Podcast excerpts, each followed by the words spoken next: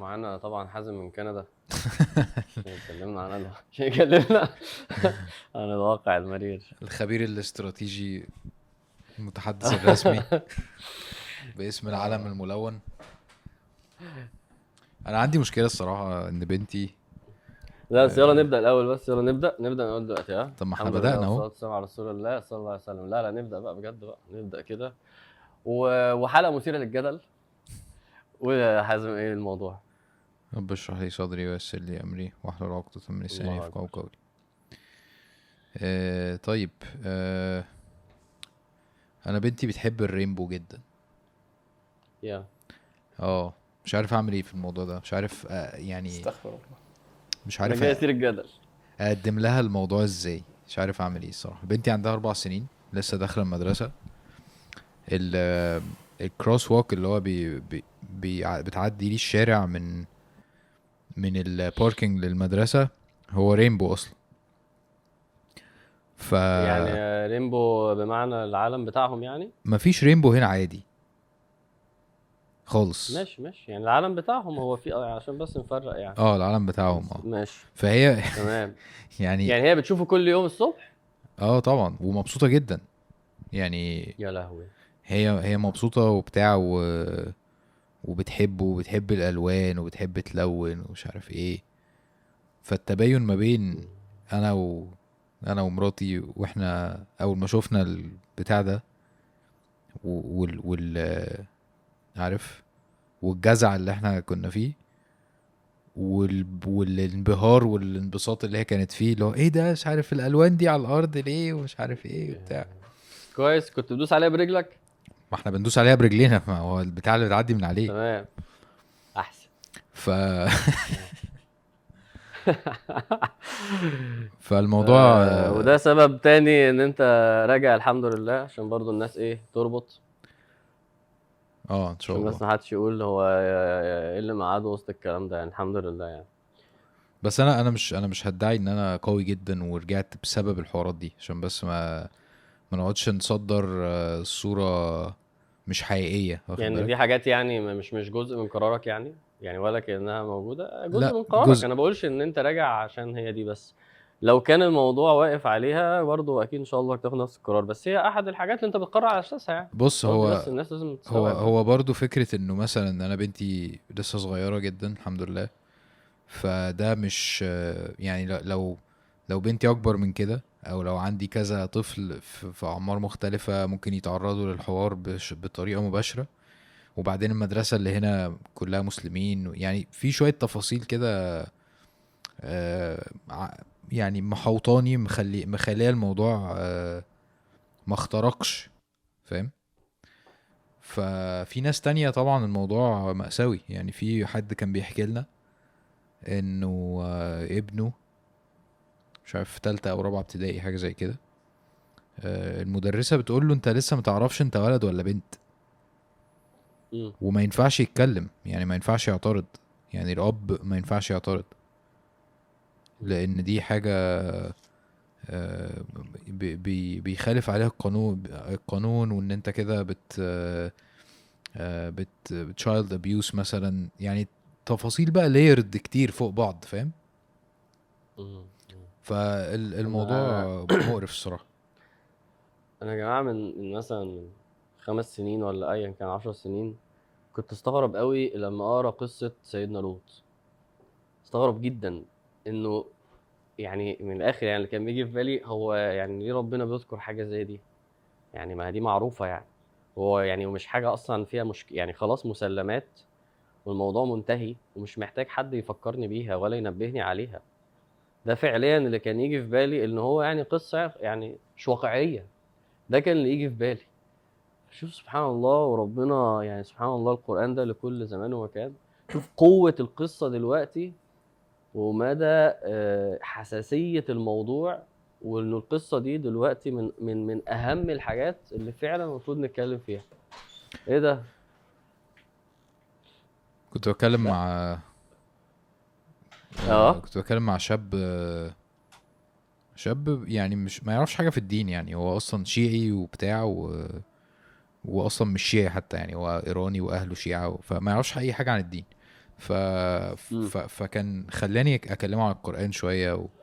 وق... وقصص الأنبياء. وبتاع فلما فلما حكيت له عن اديته نبذة عن شوية قصص ومنهم قصة سيدنا لوط ما كانش يعرف. خالص إن ده حصل في التاريخ واستعجب مم. تماما إن دي حاجة كانت موجودة قبل كده واستعجب أكتر إنه إن دي كانت أول مرة تحصل في التاريخ مم.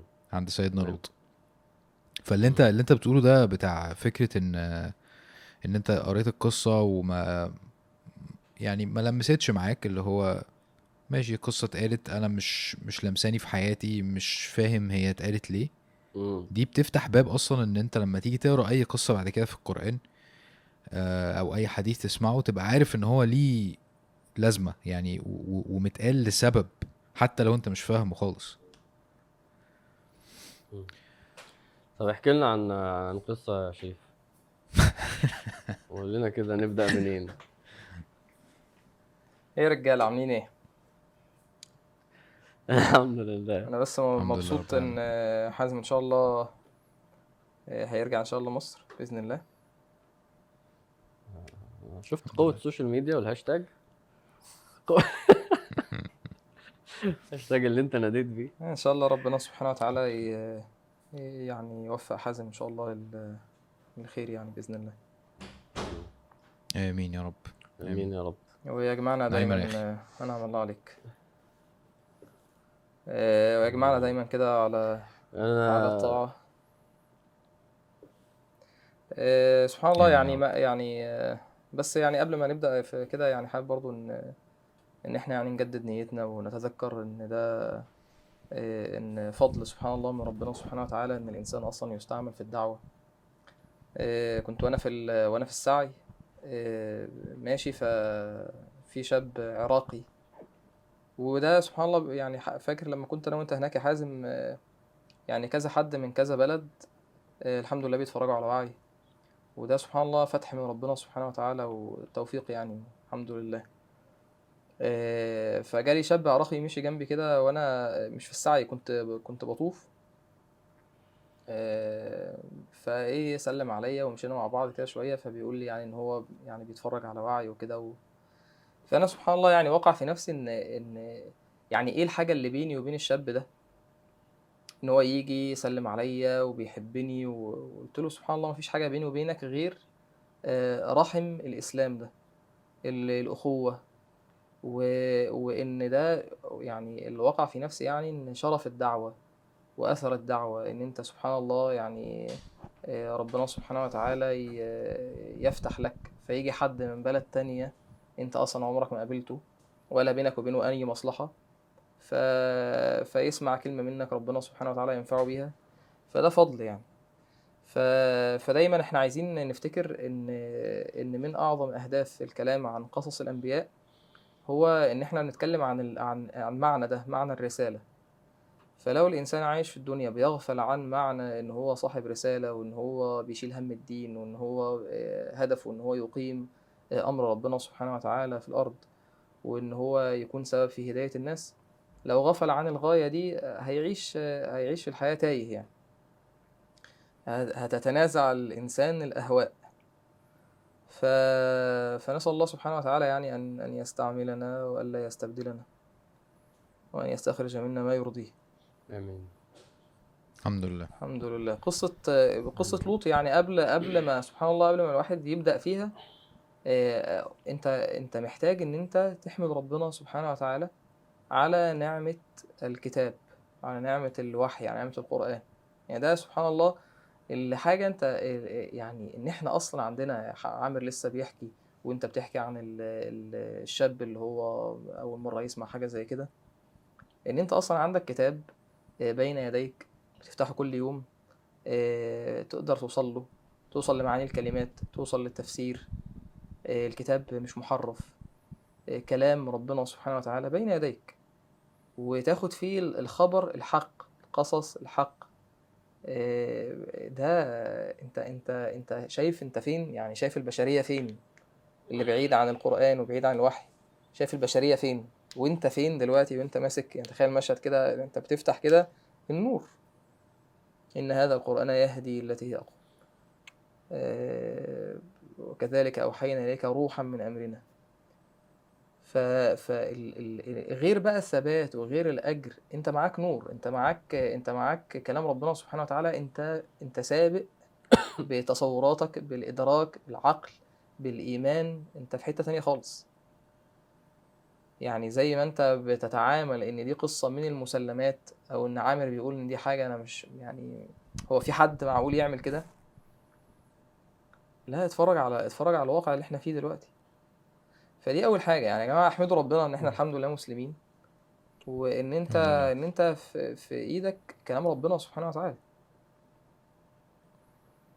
وإن ربنا يأذن ليك إنك تبقى عندك الوعي ده. no pun intended يعني. الوعي اللي... أيوه فهمت فهمت. ماشي ماشي. أيوه أيوه. طيب. سيدنا سيدنا لوط تعالوا نبدأ. آه، إحنا ما اتكلمناش عن أنا كنت فاكره نعم. ما اتكلمناش عن عن سيدنا لوط قبل كده؟ عملته حلقة من غيري. لا. أوكي. عملته حلقة من غيري. امم ما هو حازم كان ساعتها سوفت شوية فكانش ينفع إحنا الاتنين. دلوقتي بعد ما راحوا داس على العلم وكده خلاص ينفع يعني أنت جاهز. أنا مش فاهم قصدك طيب أنا كنت فاكر هفهمك كمان شوية مش مشكلة. طيب. كنت فاكر إن هو آه، آه، ابن عم سيدنا إبراهيم وقرأت إن هو ابن عمه أو ابن أخوه. يعني هو من يعني من رحم سيدنا إبراهيم. ويعني آه، فامن له لوط هو آمن مع سيدنا إبراهيم في العراق. وبعد كده هاجر معاه. وبعد كده ربنا أرسله للقرى والمدن اللي هي جنب البحر الميت زي ما بيقولوا في الأردن اللي هي أشهرها مدينة سدوم. يعني هم قالوا إن هم كذا قرية أو كذا مدينة دي أشهرهم يعني.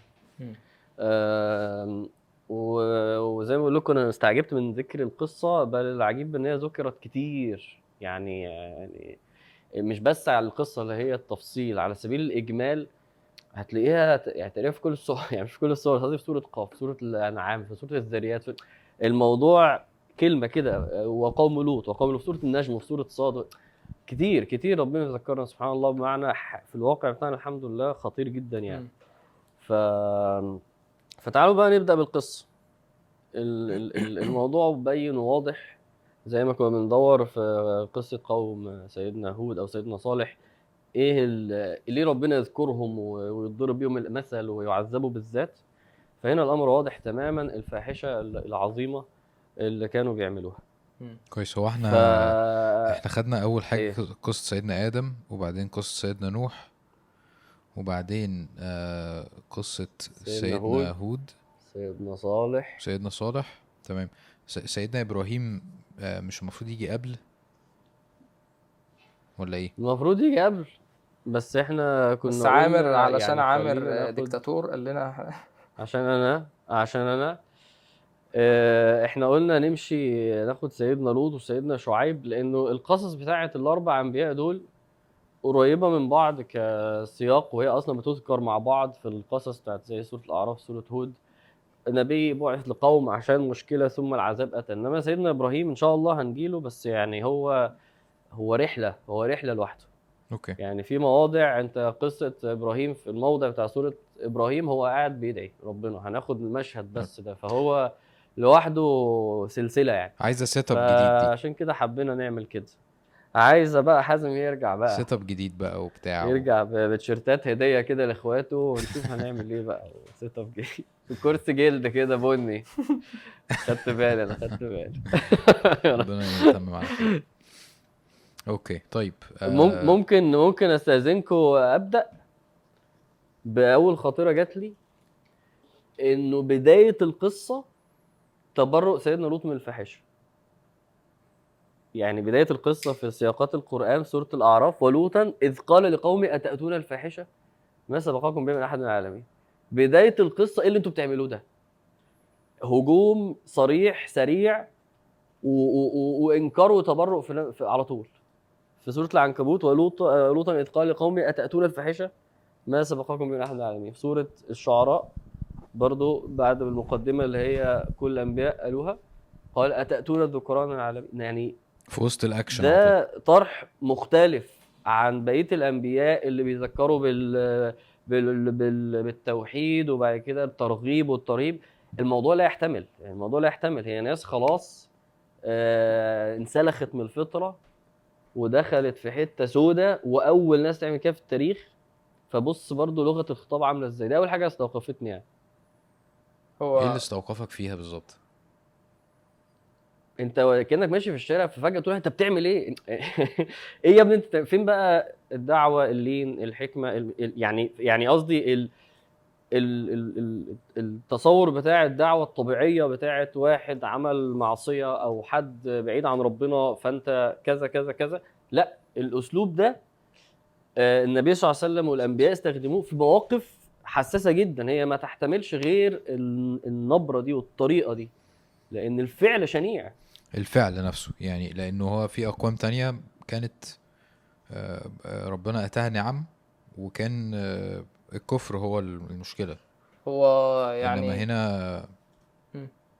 آه اتفضل لا هو ده كفر بقى لا هو هنا هو هنا كده كده هم كفروا بالله أنا فاهم ده. قال بس مفيش حاجة الأقوام- معينة في القصص اللي فاتت؟ لا بقيت يعني إحنا قلنا إن قوم عاد كان عندهم الكبر ومن أشد منا قوة. وهيجي برضو قوم شعيب آه، وهم بيأوفوا الكيل ولا تكون كل قوم كان عندهم حاجة مختلفة. بس شناعة الفعل ده okay. آه، تستدعي استدعت الإنكار والتبرؤ اللحظي ده. هو okay. سبحان الله يعني إيه رأيك يا شريف؟ والله أعلم يعني آه، إن ده ال- ده المشهد اللي ربنا سبحانه وتعالى أراد إن هو يكون بارز في قصة لوط عليه السلام يعني مش معنى كده إن سيدنا لوط آه، ما. تكلمش فيه التوحيد ما ما كانش فيه حكمة في دعوته ما كانش فيه ترتيب للأولويات لكن آه، لو أنت حتى. تتبعت قصص الأنبياء في سورة الأعراف هتلاقي إن دخلة القصص مختلفة يعني يعني في بداية مم. سورة الأعراف مثلا في سورة آه، في قصة آه، سيدنا نوح الدخلة إيه؟ مم. الأولى الآيات قصة سيدنا في نوح سوره في آه، الأعراف. معلش في إيه الأعراف القصص قلت في سورة الأعراف سورة الأعراف في الأعراف هو بتتكلم عن مين سيدنا لوط؟ نوح نوح نوح نوح قال نوح آه سيدنا نوح آه لقد أرسلنا نو... آه, آه لقد ارسل مم. لا آه ونوحا إذ... معلش عشان أنا مش فاتح ال- الموبايل في إيدي فأنا مش ماسك. المصحف بس أنت جاي يعني في المتشابهات يا شريف؟ لا لا لا ماشي. ه... آه. يعني عادي هجيبها وإحنا مع بعض. لقد أرسلنا نوحا إلى قومه. والبلد الطيب يخرج نباته بإذن ربي. لقد أرسلنا لقد آه. نوحا من قومه ماشي؟ لا لا أنا فاكره. فقال يا قوم أيوة. اعبدوا الله ما لكم من إله غيره. وبعدين وإلى عاد أخاهم هودا. آه. تمام؟ وإلى ثمود أخاهم برضه صالحا. نفس الجملة. قال قوم. ثمود أخاهم صالحا. ولوطا إذ قال لقومه. يعني يعني هنا ال...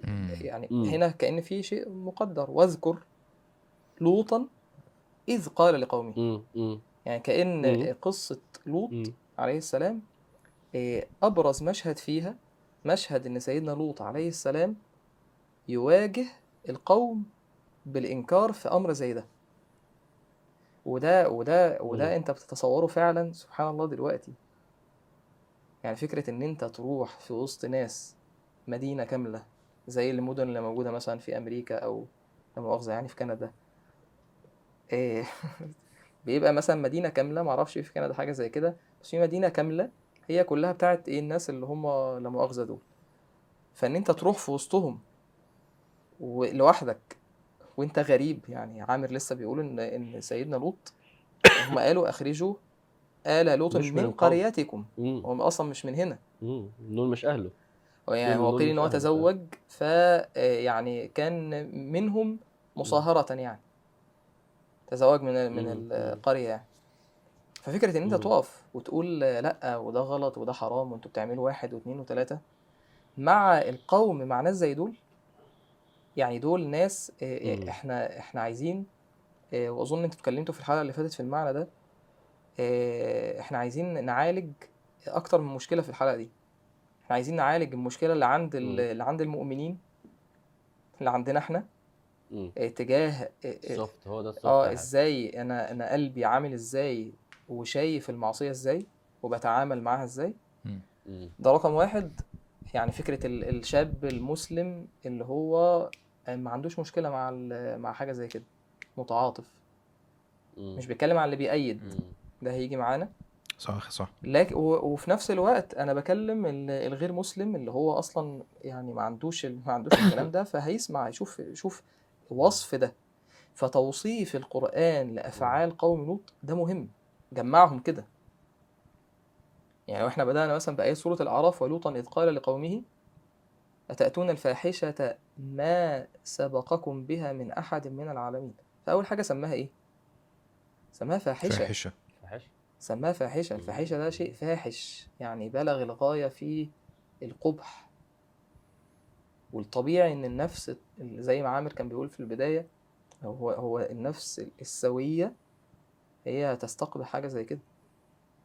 أتأتون. الفاحشة ما سبقكم بها من أحد من العالمين. فإشمعنى هنا فكرة يعني إيه خطورة السبق؟ السبق؟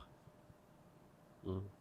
مش عارف ده سؤال طبعا يعني ليه قال كده ما هو لو لو. هي. هم هم دلوقتي هم ابتكروا الأمر ده آه ما يعني حد مفيش حد قبلها قبل قبل أيوة. قوم لوط قبل ال- القبيلة دي عمل الفعل ده فليه يعني ليه فكرة إن إن ال- السبق دي دي حاجة ممكن تكون يعني في خطاب لوط عليه السلام لا الس- آه، السبق مشكلة لأن هو السبق ده معناها بداية الأمر وإنه وتكراره بعد كده لأنه دايما في ضعفاء وإن كانوا في الآخر إن كل فيها هم برضو من أهل النار.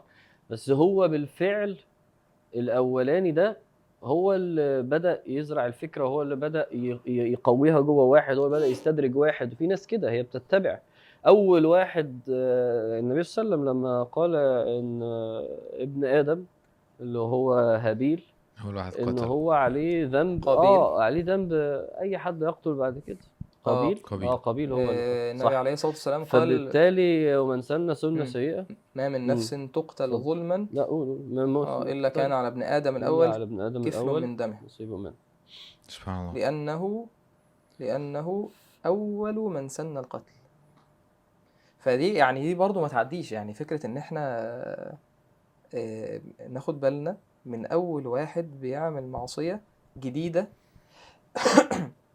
بشكل معين. يعني أول واحد اخترع إن إحنا هنجيب المسلمين ونقعدهم مع بعض يعملوا الديتنج شو ده.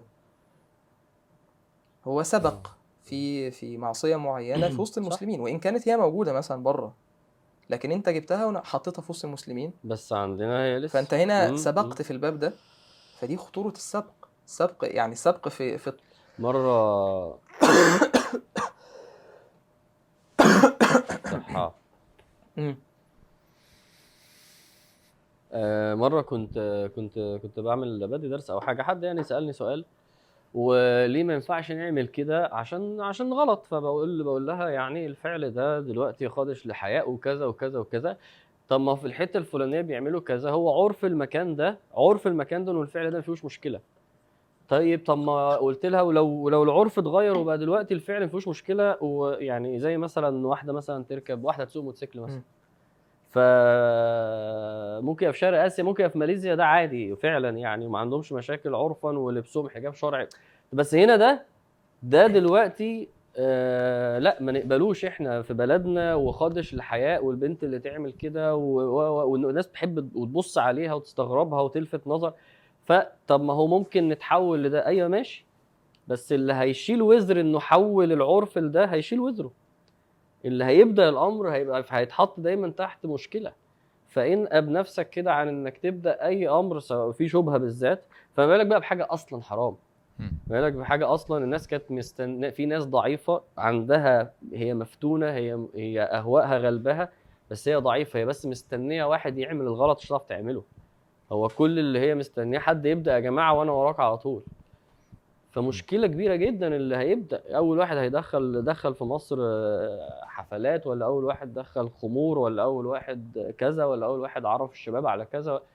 كل ده مشكلة كبيرة لأن هو مش واخد باله إنه أول واحد. إحنا واخد باله هو ماشي بإيه بعد كده. بنفكر بالتوبة برضو. لأنه في ناس ممكن تكون بدرت في حاجات وبتسمع الكلام ده ومخضوضة اللي هو طب أنا هعمل إيه في اللي فات ده؟ أو مثلا يعني مش ومش شرط تكون مثلا يعني حاجة كل الناس بتقلدها ممكن تكون يكون حد آه، عمل ده في وسط صحابه مثلا فصحابه. دلوقتي بقوا هم بيتأسوا بيه و- وهو اللي سن سنة سيئة في. وسطيهم ففي توبة التوبة. يعني بت بتودي كل حاجة دايما في أمل في ده بس بشرط إن هو يعني آه. يصلح ما استطاع يعني يعني هي ده دي م- شرط؟ يعني دي مشكلة آه، مشكلة أيوه يعني مشكلة ال- الذنوب ال- اللي زي دي يعني مم. مشكلة إن أنت إن أنت تفسد في مثلا أنت عملت أغاني مثلا وفيديوهات رقص مع البنات ومش عارف إيه فأنت صح. تبت طيب والحاجات لسه موجودة مم. ف...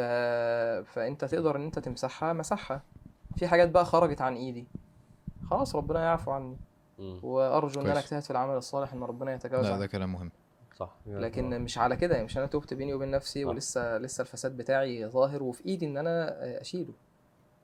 مم. ممتاز. ممتاز. مم.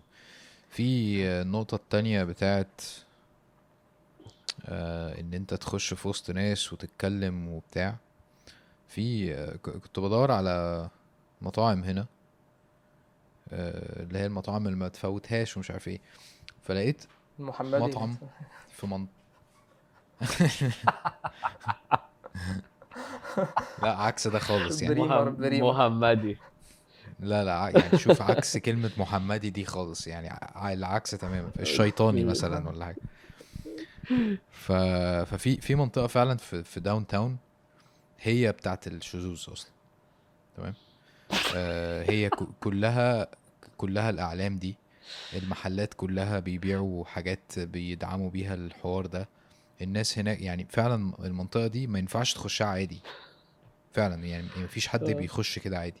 فأنا أنا بتخيل آه موضوع المطاعم ده بقى. هم عندهم مطعم. لو لو الحتة دي عنيفة بزيادة أنا ممكن أشيل أشيلها يعني. بس عشان لا مش قصدي أنا مش قادر أسمع. خلاص آه لا لا, لا أنا لسه ما قلتش. ما قلتش الحتة طب العنيفة. خلاص ماشي. آه ماشي. في في زي كافيه كده بيبيع وافلز تمام؟ الوافلز دي على شكل ال يعني انت مش هتمنتج يا حازم فخلاص. في حد اللي؟ بيمنتج دلوقتي. فأنا أنا بس أنا بس عايز أو- أوصل الصورة عاملة إزاي. يعني أنتوا أنتوا فاهمين قصدي صح؟ على شكل يعني على إحنا شكل اعضاء مش تناسليه محتاجين يعني ال- بالظبط كده. بالظبط. وحوار بقى وبتاع ما خلاص بص ف... فأنا بتخيل اللي هو إيه أنا لما شفت الحوار ده اللي هو لا هو مفيش أمل في ال... في, في يعني خلاص يعني فاهم يعني ف... فأنت لما بتقول إن سيدنا لوط وب- وبيقول في وسط الناس وأول ناس وبتاع وأكيد يعني أكيد الدنيا في الوقت ده برضو ما كان ما كانش فيه سرية طب كل الناس أنا بتعمل هقول لك كده. حاجة يعني أنا؟ أظن أظن إن إن قوم لوط كانوا أفجر من ال- الغرب دلوقتي طبعا طبعا لأن شوف شوف لا لا تأمل. تأمل الآيات يعني آه،. ربنا سبحانه وتعالى قال ولوطا إذ قال لقومه تأتون الفاحشة ما سبقكم بها من أحد من العالمين وقال تعالى ولوطا إذ مم. قال لقومه اتاتون الفاحشة وأنتم تبصرون وأنتم تبصرون وفي في العنكبوت أئنكم؟ لتأتون الرجال. وتقطعون السبيل. وتأتون في ناديكم المنكر يعني إيه تأتين في تأتون في ناديكم يعني يعني كانوا يفعلون فاحشة آه، أمام بعضهم البعض مكان. عام مكان في, النادي في المكان بتاعهم. ف... ف... ف... فأنت متخيل ناس تقطع طريق يعني مع الكفر قطع طريق و... وسرقة الناس والاغتصاب. فحتى يعني فعلا ممكن تقرأ في ال... وهم هيجي لنا المشهد بتاع الملائكة هتشوف. يعني يا حازم المشهد بتاع الملائكة اللي هيجي آه يعني بدون مبالغة. فعلا هو ده اللي أنت عايز تقوله يا شريف؟ بالظبط. إنه لو واحد فيهم شاف حد غريب ما يعرفش حاله وناس بقى ح... بقى عندها يعني أنت حالة ماشي عادي في البلد، ما حدش آه، عمل لك حاجة. بنتكلم عن لا، ناس لا، لا، بقى وصلت لحالة من الجنون من والصرع. ال... ال... مم، السعار. الجنسي. يعني هو الأمر بقى عجيب سبحان الله. مم. ف وده وده على فكرة ده ده معلش يعني كنت بتكلم مع مع حد كده إنه هو كان بيقول لي الإنسان م- ملوش حدود في الفجور. يعني لو في اللي إحنا فيه دلوقتي لأ كان في قوم لوط. والإنسان لو اتساب لهواه ولنفسه هيفجر أكتر. وأكتر. يعني لو أنا متخيل إنه مفيش بعد كده أنا كده مش فاهم حدود الفجر. الانسان ملوش حدود. أنت كمان شوية بدون مبالغة بدون مبالغة. ممكن تلاقي الغرب ده بيقول لك البيدو- البيدوفيليا مباحة. ده بيحصل. ما هو الشذوذ كانت حرام. بقت الشذوذ مباحة بقت شذوذ حلوة. بعد شوية هتلاقي بقى الاغتصاب حرام. الاغتصاب مباح اغتصاب حلو. أنت مش عارف هم هيروح لحد فين. أنت مش واخد بالك الانسان لو ملوش حاجة ترضعه ورب هو اللي يوجهه؟ آه لا لا النفس البشرية ما تتسابش. فقوم لوط أفجع بكتير طبعا. وأنا في كل ده و- والدليل لا لا هو أنا كنت أقول بقى تعال نشوف هم بيتكلموا إزاي. ولا لا الغرب ما بيتكلمش كده لحد دلوقتي يعني. بص قوم لوط ردوا على ك- ال- الآيات اللي الشريف قالها إزاي بقى. طب ما تيجي كده إيه آه، نرتب المجلس كده بالتلاوة للشيخ عامر. آه، أنا أنا الفكرة يا شريف أنا أنا بصراحة لو إحنا مش هنقدر ناخد موضع موضع. يعني. يعني يعني يعني أنا يعني أنت عندك كلام أعراف ونقرأ موضع سورة هود وخلاص. ثلاث مواضع مثلا. ما أنا ب... ب... براح... يعني أنا بصراحة ش... ما أنت هتعمل ما أنت عندك موضع سورة الحجر وعندك سورة العنكبوت. يعني الكلام كله داخل في بعضه. أنا المرة دي ع... الآيات- اقرأ اقرأ يا باشا المواضع اللي أنت عايزها براحتك. بس أنا ما ينفعش قصدي أفوت الجملة اللي اتقالت مثلا في سورة القمر. ما إحنا هنجي آه، هنجيلها في وسط فاهم؟ وهكذا يعني. فهنعمل إيه؟ ماشي. هتج... يبقى يبقى اقرأ يا شيخ ورتب اقرأ يا شيخ كده أحمد و... ال- الأعراف. اقرأ لا يا حازم. لا اقرأ أنت. والله. لا والله اقرأ. اقرأ يا حازم الأعراف من آية اقرأ 8 أنت يا شيخ. ولوطا إذ قال لقومه أتأتون الفاحشة ما سبقكم بها من أحد من العالمين؟ إنكم لتأتون الرجال شهوة من دون النساء بل أنتم قوم مسرفون. وما كان جواب قومه إلا أن قالوا أخرجوهم من قريتكم إنهم أناس يتطهرون. فأنجيناه وأهله إلا امرأته كانت من الغابرين وأمطرنا عليهم مطرا. فانظر كيف كان عاقبة المجرمين. يا سلام. نقرأ آه، موضع اقرأ يا. شريف. أعوذ بالله من الشيطان الرجيم. ولقد جاءت رسلنا إبراهيم بالبشرى قالوا سلاما قال سلام. فما لبث أن جاء بعجل حنيذ. فلما رأى أيديهم لا تصل إليه نكرهم وأوجس منهم خيفة. قالوا لا تخف إنا أرسلنا إلى قوم لوط. وامرأته قائمة فضحكت فبشرناها بإسحاق. ومن وراء إسحاق يعقوب قالت يا ويلتى أألد وأنا عجوز وهذا بعلي شيخا إن هذا لشيء عجيب. قالوا أتعجبين من أمر الله؟ رحمة الله وبركاته عليكم أهل البيت. إنه حميد مجيد. فلما ذهب عن إبراهيم الروع وجاءته البشرى يجادلنا في قوم لوط. إن إبراهيم لحليم أواه منيب. يا إبراهيم أعرض عن هذا إنه قد جاء أمر ربك. إنه قد جاء أمر ربك وإنهم آتيهم عذاب غير مردود. ولما جاءت رسلنا لوطا سيء بهم وضاق بهم ذرعا وقال هذا يوم عصيب. وجاءه قومه يهرعون إليه ومن قبل كانوا يعملون السيئات. قال يا قوم هؤلاء بناتي هن أطهر لكم فاتقوا الله ولا تخزون في ضيفي أليس منكم رجل رشيد؟ قالوا لقد علمت ما لنا في بناتك من حق وإنك لتعلم ما نريد قال لو أن لي بكم قوة أو آوي إلى ركن شديد. قالوا يا لوط إنا رسل ربك لن يصلوا إليك.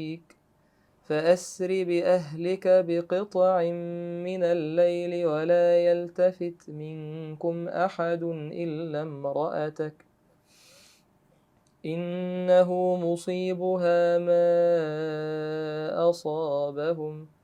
إن موعدهم الصبح أليس الصبح بقريب؟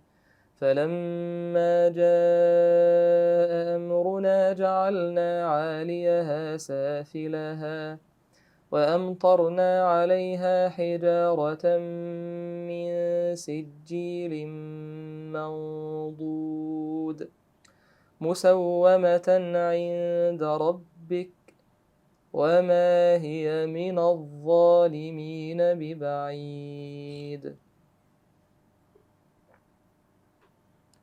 ما شاء الله طيب. آه جزاك الله خيرا يا شيخ شريف.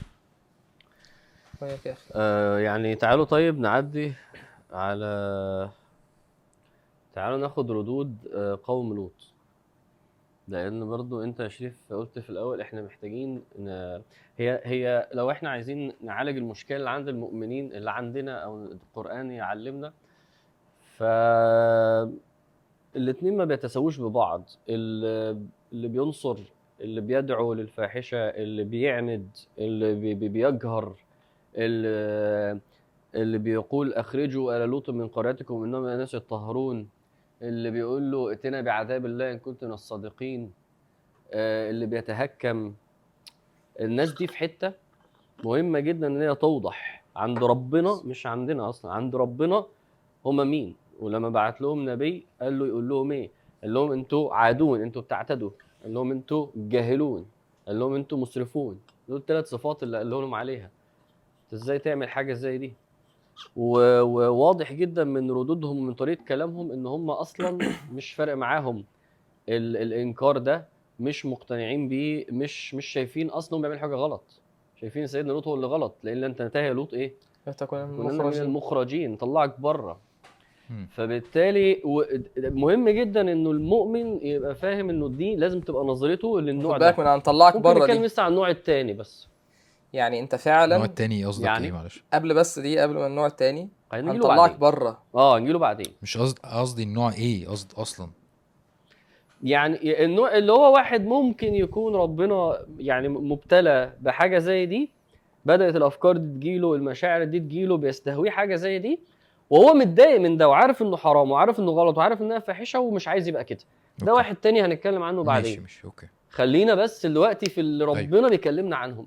عشان إحنا فجأة الشيطان يقوم مدخلك ده في ده ومخليك متوج خلينا بس نتكلم في اللي ربنا كلمنا عنه لأن ده أغلب العالم دلوقتي صح. ما أنا بس عايز عايز أتكلم عن يعني فكرة جل. آه عشان سبحان الله آه أنت قصدك إيه خرج إيه أنت بتخرجني أنا قصدك خرجني أيوه منين؟ منهم لا لا. لا يعني آه، فكرة لا تكون آه من لا المخرجين من آه. المخرجين يعني آه. دلوقتي إحنا في في لوب معين في منظمات معينة آه، إحنا كلنا بنقر آه، الشذوذ وبندعمه ولو أنت مش هتدعمه لو انت عايز تكون مم. من الناس ال- ال- المتطهرين يبقى انت انت مش معانا انت. بره إحنا مش مش هنتاجر معاك إحنا هن هنضايق. عليك انت يعني ده لو انت وسعت إيه مم. اخرجوا آل لوط من قريتكم إنهم أناس يتطهرون لو وسعت المفهوم بتاعها شوية هتلاقي إن أي حد دلوقتي حتى شوف لعيب لعيب الكورة لعيب كورة لو طلع اللي هو بتاع اللي. بتاع السنغالي ده اسمه آه، اللي كان بيلعب في باريس اسمه حاجة آه، هو الكوميدي أو اسمه- حاجة زي كده. اسمه جاية ولا مش آه. عارف جاي حاجة كده. آه، آه، لما جاي. طلع لما رفض إن. هو يلبس ال- الشارة بتاعة ال- الشذوذ. مشوه إدريس ها آه اتطرد آه إدريس. جانا جانا آه لا تكونن آه، من المخرجين فعلا صح برافو لا عليك تكونن من المخرجين انت. يا إما تبقى مم. معانا آه، يا إما أنت هتطلع بره يعني اطلع بره تطلع بره مم. دلوقتي دي بقى يعني هو عمل لنفسه عالم وانت لازم تبقى موجود فيه ولو مش معانا عشان. أنا طب القوي. سبحان وأنا الله اللي بحط المعايير وانت لو انت لو انت حتى لو. انت إيه يعني لو انت بس أظهرت موقفك انت اللي هو بتقول يا جماعة في راجل وست وفي علاقة لا ده ده خطاب كراهية وانت كده مجرم وانت. كده. تهاجم متخيل المأساة. اللي إحنا فيها. سبحان الله أيوه. بص أقول لك على حاجة. أه الحمد لله إن أنا يعني وأنت وأي حد إن شاء الله يعني مسلم و آه، وعربي ومصري و... أه أنا مش محتاج أتحط في الموقف ده. يعني دي بس نقطة برضو مهمة. يعني الراجل اللي لعيب الكورة ده ايا كان بقى إيه ظروفه إيه وقصته إيه. بس أنا أصلا إيه اللي يخليني أتحط في الموقف ده؟ دي بس نقطة الناس كلها تفكر فيها. وأنا بقيم اختياراتي أروح فين أعمل إيه؟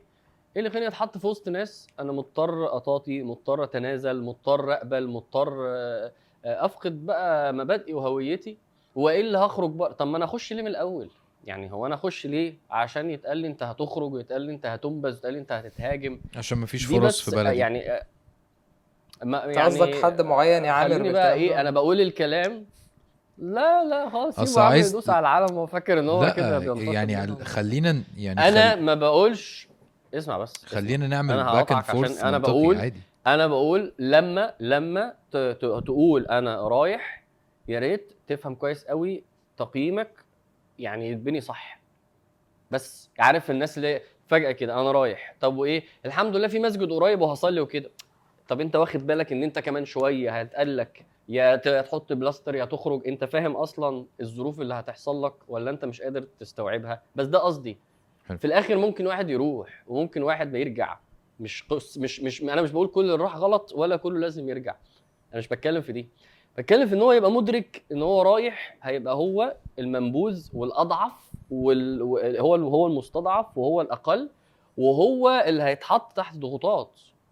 ده بس اللي بس بس عايز أقول. غير طيب، كده يا طيب. باشا لو لو لو ربنا ابتلاك إنك تروح خلاص هتروح مش دي قصتي. طيب ده 100% الكلام ده مظبوط 100% انت بتحس ان انت طيب غريب. إحنا اتفقنا خلاص. وبتحس ان انت مش انت الطبيعي لدرجة لدرجة حتى يعني ال- اللي هم بيقولوه واللي هم متفقين ان هو غلط ده بيمشي على الناس كلها. يعني مثلا أنا مثلا أنا بحب العب مع اطفال مثلا. اي طفل بشوفه في مول في الشارع مش عارف إيه بحب ألعبه مش أنت؟ عارف إيه. آه. يا ف- كندا غيرتك والله. لا ده من زمان. هو أنا مش عارف أعمل ده في كندا. لأن ده كده آه. تحرش. ده ده كده بالظبط. واخد بالك؟ تخيل اتقبض عليك تحرش. أيوه أيوه أيوه. آخرت. آخرتها كده يتقبض عليك تحرش حزين ارجع بقى. أنا. برضو عايز استغل اللحظة دي ونفعل هاشتاج. ارجع بدل ما. تبقى متحرش. شاء الله يعني. شاء الله. بس ف... فأنا قصدي أنا قصدي. إنه ان إن حاجة بسيطة جدا آه، بريئة جدا أنت بقيت خايف للناس تشوف إن أنت كذا واخد بالك؟ و... وبقى أهون إن أنت تبقى آه، شاذ من إنك تلعب مع طفل. أنت فاهمين التباين ده؟ يعني إيه يعني, أهون؟ يعني معلش. فعلا بقى. يعني عندهم عندهم. يعني أنت هتقبل هناك آه، وتاخد. وضع وتبقى مرتاح. يعني انت لو مش حد قصده يعني. لو حد قال لك يعني لو حد جالك مثلا قال لك ببراءة سؤال بريء are you gay مثلا ولا مش عارف إيه؟ انت مش هتتضايق لأن هو ده العادي يعني انت مش هتبقى offended. بس لو حد جه قال لك انت بتاع بتلاعب ابني ليه هتتضايق فاهم؟ لأن هو ده هو ده اللي ساري هنا. ف... ففكره فكرة تغيير ال- المنطق. والصح بقى بقى متحور بكل المعاني اللي هم عايزينها فأنت ما. أنت أنت مش عارف أنت مش عارف تبقى نفسك خالص و... وأنا آه، أنا أنا أكتر. أكتر حاجة أنا بتقلقني أنا شخصيا إيه لو هنيجي نقول إن أنت آه جنبك مسجد مش عارف إيه بتاع كل الكلام ده ماشي آه أنا شخصيا أكتر حاجة بخاف عليها إن أنا امن إن قلبي ما يروحش مني. لأن القلب دي حاجة أنت أنت أنت ما بتحسش إن هي راحت غير it's too late. مم. لما خلاص فات الأوان. أثناء ما أنت ممكن آه ممكن تب- تبتدي تحس إن آه دي حاجة غلط مش عارف إيه بتاع. هتيجي بعد ثلاث شهور واحد جديد مثلا مهاجر جاي زي مثلا مع البنات وال هنا اللبس طبعا في الشلاحات يعني ليترالي يعني. آه أنا أنا أنا أنا مفزوع واخد بالك؟ بكلم شباب هنا بقالهم كذا سنة كذا شهر مش عارف إيه. مش آه، مش مفزوعين. شباب متدينة وبتاع بس خلاص ده بقى عادي. فاهمني. الف... ال... في ال... في ال...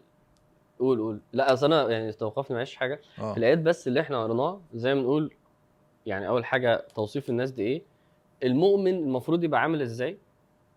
عشان برضو يعني يعني على كلامك يعني ابتداء كده المفروض يبقى عامل إزاي سيدنا لوط بيتكلم بيقول أنتوا إزاي بتعملوا كده بيقولوا إن دي فاحشة بيقول ده جهل وعدوان واعتداء وإسراف وبعد كده بكل وضاحة بكل آه وضاحة وضوح قال إني لعملكم من القالين.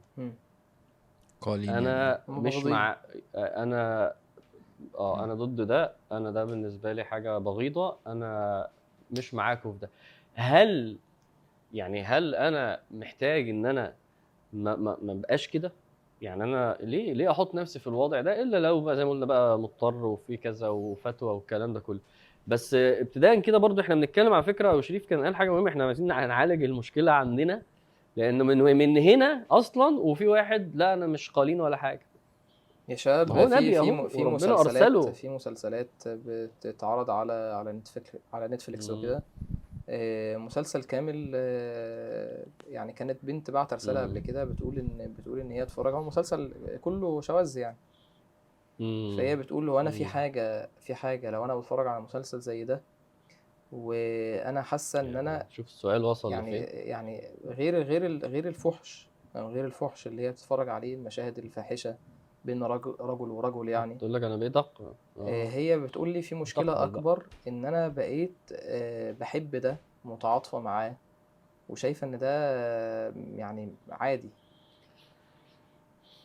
فأنت دلوقتي شباب عشان هي شايفاه في أنهي صورة؟ ما سبحان شايف ما هو الله. أنت دلوقتي أنت أنت بتشوف شوف الدراما عاملة إزاي؟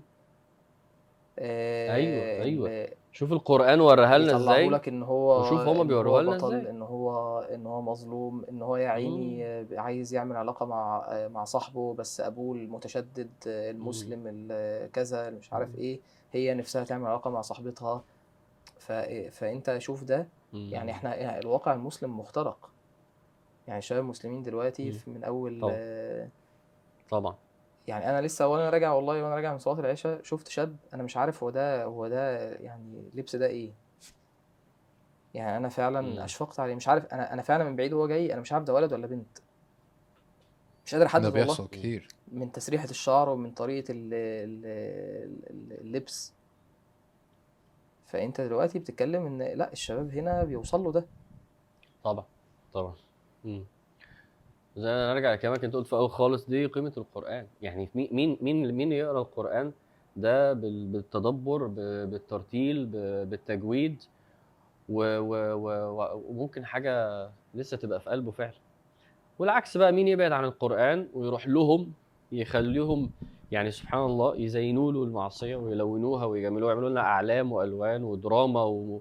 و... وفي الآخر آه يعني يجري هيشتكي بقى. لا لا لا بالعكس قفلنا النقطة وقلت له تعالى نفتح لينك تاني. أهو. المهم المهم إن إحنا ما نقفلش بس الفيديو خالص. لا لا خالص خالص. قول يا شريف كنت عايز تقول إيه؟ النقطة إيه؟ تعامل آه، إيه؟ كنت بقول إن أنت يعني أنت ذكرت دلوقتي الآية إن لوط عليه السلام قال آه، إني لعملكم من القالين. إني لعملكم. من القالين. فلازم ده يكون موجود. هي دي مشاعر القلبية اللي تكون آه، في قلبي تجاه المنكر ده. مم. لازم أكره المعصية دي.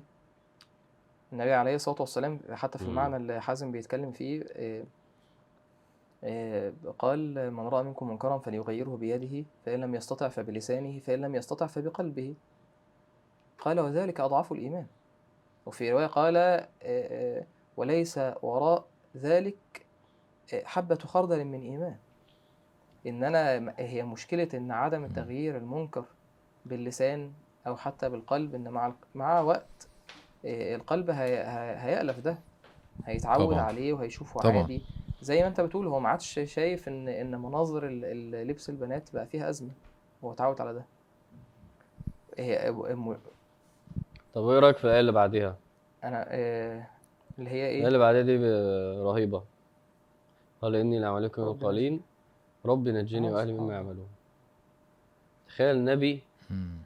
يدعي إنه ما يبتلاش بالفاحشة دي. سبحان الله. يا نهار أبيض. دي زي إيه بالظبط؟ ها امتحان اختبار ذكاء. واجنبني وبني ان نعبد الأصنام. يعني سيدنا إبراهيم كسر الأصنام وبيقول يا رب ما إيه؟ آه، مقام عبودية. آه، سبحان الله عالي جدا إنه انت أنت مش شايف نفسك مش حتى لو. أنت نبي وحتى لو أنت مرسل علشان الفاحشة دي. خايف على فتخاف آه، على طبعا. نفسك. أنا نفسي أنا نفسي أوصل لكده يا جماعة. أنا مهما ادعيت مقام الافتقار ده الحقيقة دي نفسي أنا لو وصلت لدي أنا لو وصلت دي هوصل. يعني فعلا أنا بقعد أقول لازم نفتقر ونتكلم الناس عن الافتقار ونقول له يا رب أنا فقير ليك. بس في الحقيقة أنا مش خايف كده. يعني أنا مش خايف كده. زي مين؟ زي نبي. أنا ما وصلتش للمرحلة دي من الافتقار. المرحلة دي غريبة جدا. يعني أنا يا رب ما يا رب ما ما ابعدني عن الإلحاد. يا رب ابعدني عن الشذوذ. يا رب ابعدني عن الخمور. أنا عمري ما بدعي بالحاجات دي إلا نادرا. ولو دعيت بدعي يعني عشان أبقى آه ادعي عشان المفروض يعني المرحلة اللي هو اللي هو اللي سيدنا لوط فيها دي مقام عجيب جدا يا جماعة. كويس كويس إنك لفتت نظرنا إن إحنا ما بندعيش هو بده أنت فعلا تدعي إن الإنسان إن ربنا سبحانه وتعالى. عنك الفواحش ما ظهر منها وما بطن يعني ولا الدعاء صح. الجامع اللي في السنة يعني لكن طبعا. هو هو في يعني في مناسبة آه، في دعاء لوط أو في دعاء إبراهيم يعني هو شيء آه، هو عاشه يعني مم. فأنت لو أنت بتبقى في مشكلة معينة مم. أنت وشايفها وشايف الناس المبتلى بيها وشايف المرضى بيها فأنت بتقول يا رب أنا مش عايز أبقى كده فده آه. يعني الدعاء ليه لا، مناسبة صح. يعني عشان برضو ما تحملش على نفسك إن أنا أيوة. يعني أنا أنا مش في دماغي أصلا لا لا موضوع لا صح الخمر صح بس هي فمش هقعد كل شوية أدعي يا رب ما أشربش مم. خمرة مش مش في دماغي فاهمني؟ صح بس بس بس بس بتدعي لما بت بت تعرض بتتعرض للموضوع. للموضوع أو بتشوف حد حد مبتلى. مثلا آه بس أنا متعرض لحاجات وما بوصلش للمرحله دي هو هو اللي انت بتقوله يا أنا عامر بوري بس أنا بوري اللي انت بتقوله يا عامر لا لا في لا حتة لا لا ده مقام عالي قوي يا جماعة ده مقام عالي قوي يا جماعة ان مثلا لو, لو أنا خايف على نفسي فعلا لو أنا يعني أصل وأنت بتتكلم كده بقول لا بس أنا مفتقر وبتاع و... وعارف إن أنا ممكن أتفتن. لو أنا خايف. فعلا آه ما جيش ما, ما كنتش جيت. ما ما هي لا هي درجات هي درجات. بغض النظر برضه عن قرارك هي درجات. الإيمان يزيد وينقص درجات. فمقدار الخوف ومقدار الافتقار ومقدار الغيرة مثلا اللي عن سيدنا لوط فتخليه يقول كل ده هي هي مقامات يعني. ربنا يمكن اللي الإيمان يعني. يمكن بس اللي أنا بحاول آه، أقوله ايمانا إيه لا يرتد. أنا أنا آه. مش أنا أنا برضو عايز اكد إن أنا مش بنصح حد يجي ما يجيش مش هو ده الموضوع خالص. خالص مش مش this is not the point خالص. يمكن اللي أنا بس بحاول أقوله يا يا إن محدش يبقى آه، بياخد خطوة وهو حاسس إنه إيه لا لا أنا قدها عادي. بس آه، أنا بس لفت نظري حاجة في الآية طيب. مش عارف آه، آه، قالوا لئن لم تنتهي يا لوط لتكونن من المخرجين آه لئن لم تنتهي عارف آه، آه، أحيانا صوت الحق وإن كان الحق. آه، وإن كان آه، من رجل هو. هو آه. متضايق يعني هم متضايق هم يعني أيوه، معنى أيوه، الكلام أيوه، إحنا عايزينك أيوه. تسكت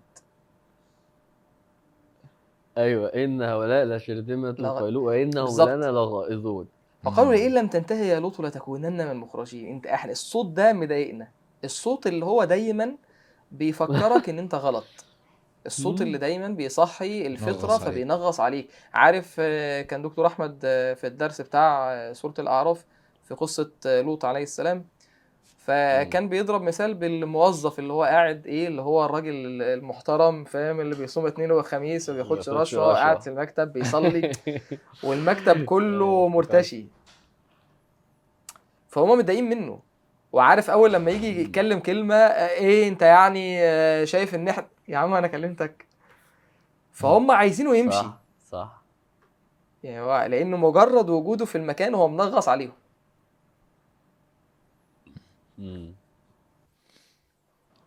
طب أنا طب أنا عايز أقف وقفة مع آه، موقف سيدنا إبراهيم.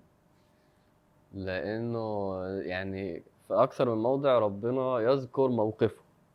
في سورة الحجر بالذات وأنت قرأت طبعا في سورة هود وفي سورة سورة العنكبوت. آه بس بالذات موقف سورة الحجر أو يعني آية جميل آه، جميل عليه لازم يبقى ليك موقف. يعني لازم يبقى ليك موقف. آه لازم يبقى ليك موقف من حتى لو اللي بيحصل ده مش هقول مش مش لمسك بس قصدي إيه ولا ما يخصكش بس فاهم؟ يعني مش أنت الشخص المعني بذا لازم يبقى ليك موقف. و و و وسبحان الله بقى موقفه بقى يعني إيه مع الكل. مع بس أنا بس أنا بحب قوي إن فيها لوطة. وبحب أكتر لا وأنا بحب فيها. كمان آه، سارة. عليها السلام وامرأته قائمة فضحكت آه. ضحكت ليه آه آه عشان عارفه إن الملائكة هي هي لما. سمعت لما لما لما إن أرسلنا إلى قوم لوط وامرأته قائمة فضحكت مم. لأن هي هي استبشرت ب ب بهلاك قوم لوط فرج يعني ده شوف التعامل ده هي امرأة مم. ومؤمنة وفرحانة إن ربنا هيهلك. هؤلاء زي انت لسه قايل لازم يبقى ليك آه، آه، المشاعر يعني ضحكت دي هي ما عملتش حاجة بس هو هي. ظهرت آه، ظهرت مشاعرها اتجاه اتجاه آه اتجاه وربنا آه صح فبشرناها بإسحاق بقى يعني ده جزاء ده إنما ربنا يريد منك آه، التفاعل القلبي حتى مع يعني شوف الموقف. الموقفين يعني يعني سيدنا إبراهيم آه، آه. غلب عليه الحلم والرحمة آه، قال إن فيها لوطا آه، آه، وسيدنا إبراهيم يعني إيه؟ آه، يجادلنا في قوم لوط. إن إبراهيم لحليم أواه. منيب يا إبراهيم أعرض عن هذا. إيه إيه ده؟ إيه المقام ده. عليه الصلاة والسلام.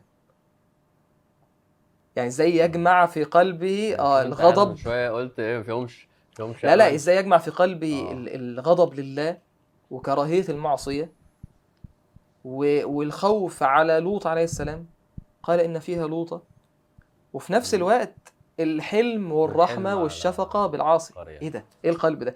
يعني ممكن هو أيوه هو يعني. ممكن آه، سارة عليه السلام غلب عليها ضحكت ضحكت أيوه برافو عليك إبراهيم قلبه أوسع صح. عليه السلام آه.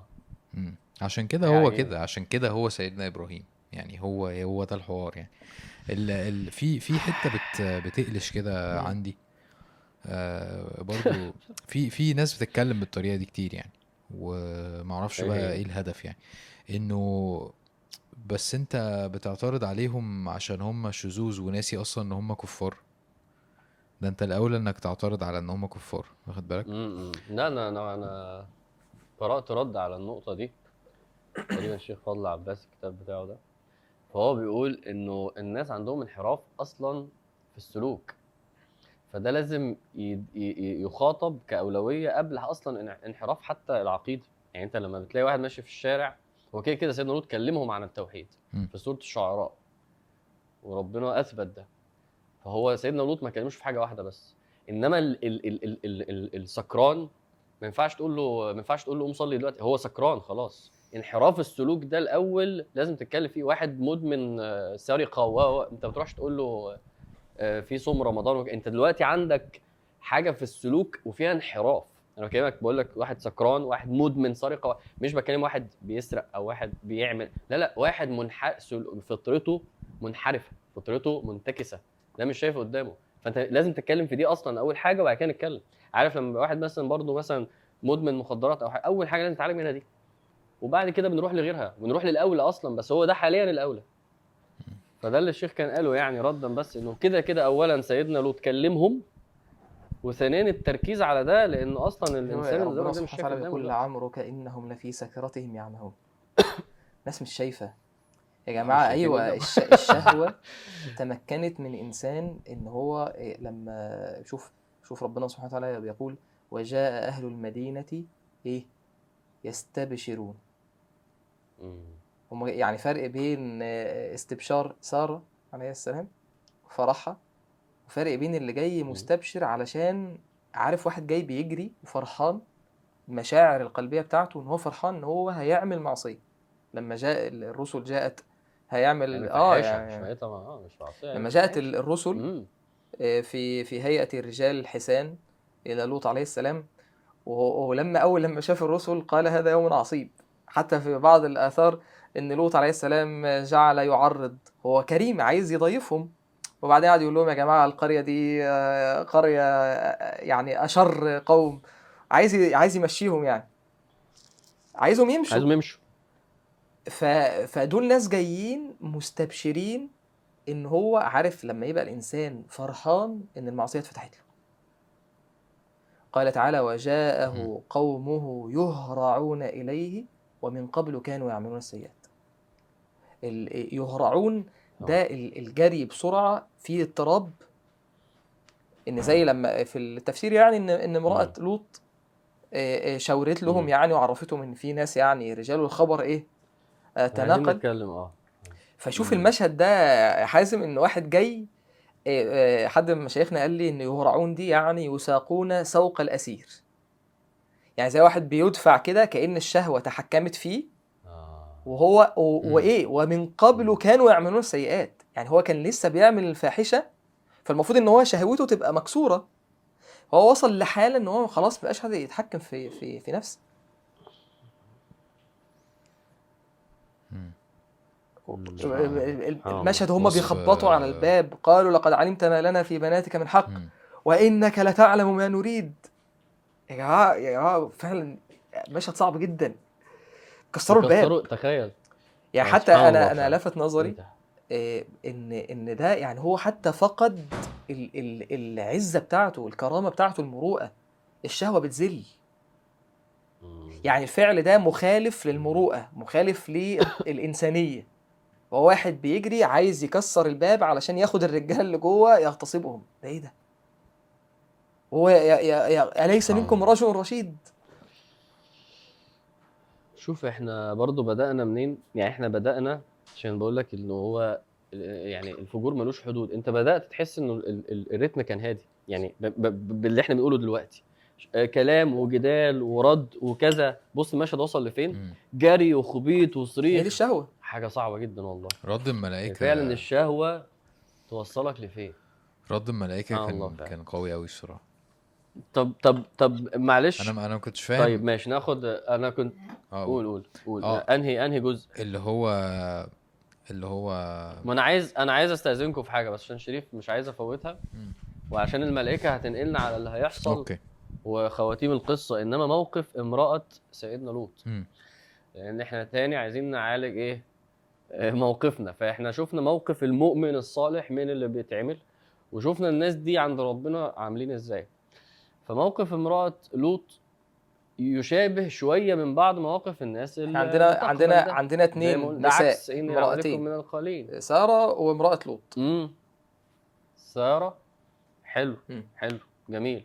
فأنت قلت الموقف بتاع السيدة سارة إن هي قلبيا بتنكر وقلبيا هي زيها زي سيدنا لوط واول وده ظهر على وشها وربنا أثبت ده وجزاها على ده فبشرناها بإسحاق.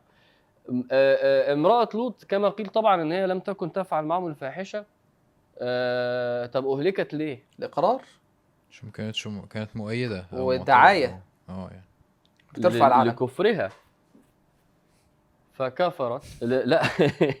أيوه بالظبط كده. آه، آه، ضرب الله مثلا الذين كفروا امرأة نوح وامرأة لوط. إنه مبدئيا إن هي زي امرأة نوح إن هي كف على على الكفر. لم تؤمن. آه، ولكن كمان هنا إن هي كمان إيه زي ما أنت قلت بترفع العلام إن هي راضية. يعني مش بتفعل الفاحشه بس مش معترضة. هم حرين آه، براحتهم كل واحد حر آه، إيه المشكلة؟ الحاجات اللي بنسمعها وسط المسلمين دلوقتي زي ما أنت قلت يا شيخ تعاطف آه، كذا. ما هو مع مين؟ مع الفئة دي؟ لا ربنا أنكر ده. إنه مصيبها ما اصابه في حديث خطير جدا. فمهم آه، قوي في الإنسان حديث يخاف خطير على جدا في مسألة إيه؟ ال- ال- الرضا بالفاحشة والإقرار. في النبي عليه الصلاة والسلام. قال إذا عملت الله عملت. الخطيئة في الأرض كان من شهدها. فكرهها وقال مرة أنكرها؟ كان كمن غاب عنها. ومن غاب عنها فرضيها تمام. كان كمن شهدها مم. مم. يعني لو انت آه، لو انسان حاضر فاحشة وهو بينكر بقلبه أو ينكر بلسانه هو مش مش قادر إن هو يغيرها آه، فده كأنه ما حضرهاش واللي ما حضرش بس هي وا- واحد ما حضرش بس سمع ال ال ال مثلا حفلة مم. هم عاملينها فيها فجور أو كذا قال لك يا عم خلي الناس خلي الشباب يعيشوا آه،. طبعا كأن. يا عم إحنا عملنا أي حاجة. سبحان الله. طيب آه، ممكن قبل ما آه لا في حاجة تانية عشان بس. نبقى قول. أنا أنا كنت شفت آه، للأسف يعني آه، كنت في مكان بيبيع حاجات للبيت وحاجات بقيت خايف من الأماكن اللي أنت بتروحها دي فشفت والله. شابين. مش عارف ده بقاله شهرين أنا مش فاهم. هم لو قعد سنتين. هيرجع إيه؟ مش فاهم. أنا ما قلتش حاجة مكان عادي مكان أنت معروف ما ما أنت ما قلتش حاجة بس ماشي. تمام المهم شفت مش عايز يعمل دعاية لوال مارت مش ع... آه. ايكيا شفت شفت ولد شابين آه. آه. بيختاروا بيختاروا آه، بيختاروا عفش لبيتهم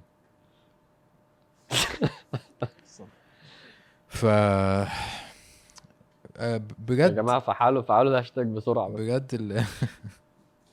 الأزمة اللي أنا كنت فيها أنا ساعات بروح أنكش حد في بكلمه عن الدين مثلا أو حاجة.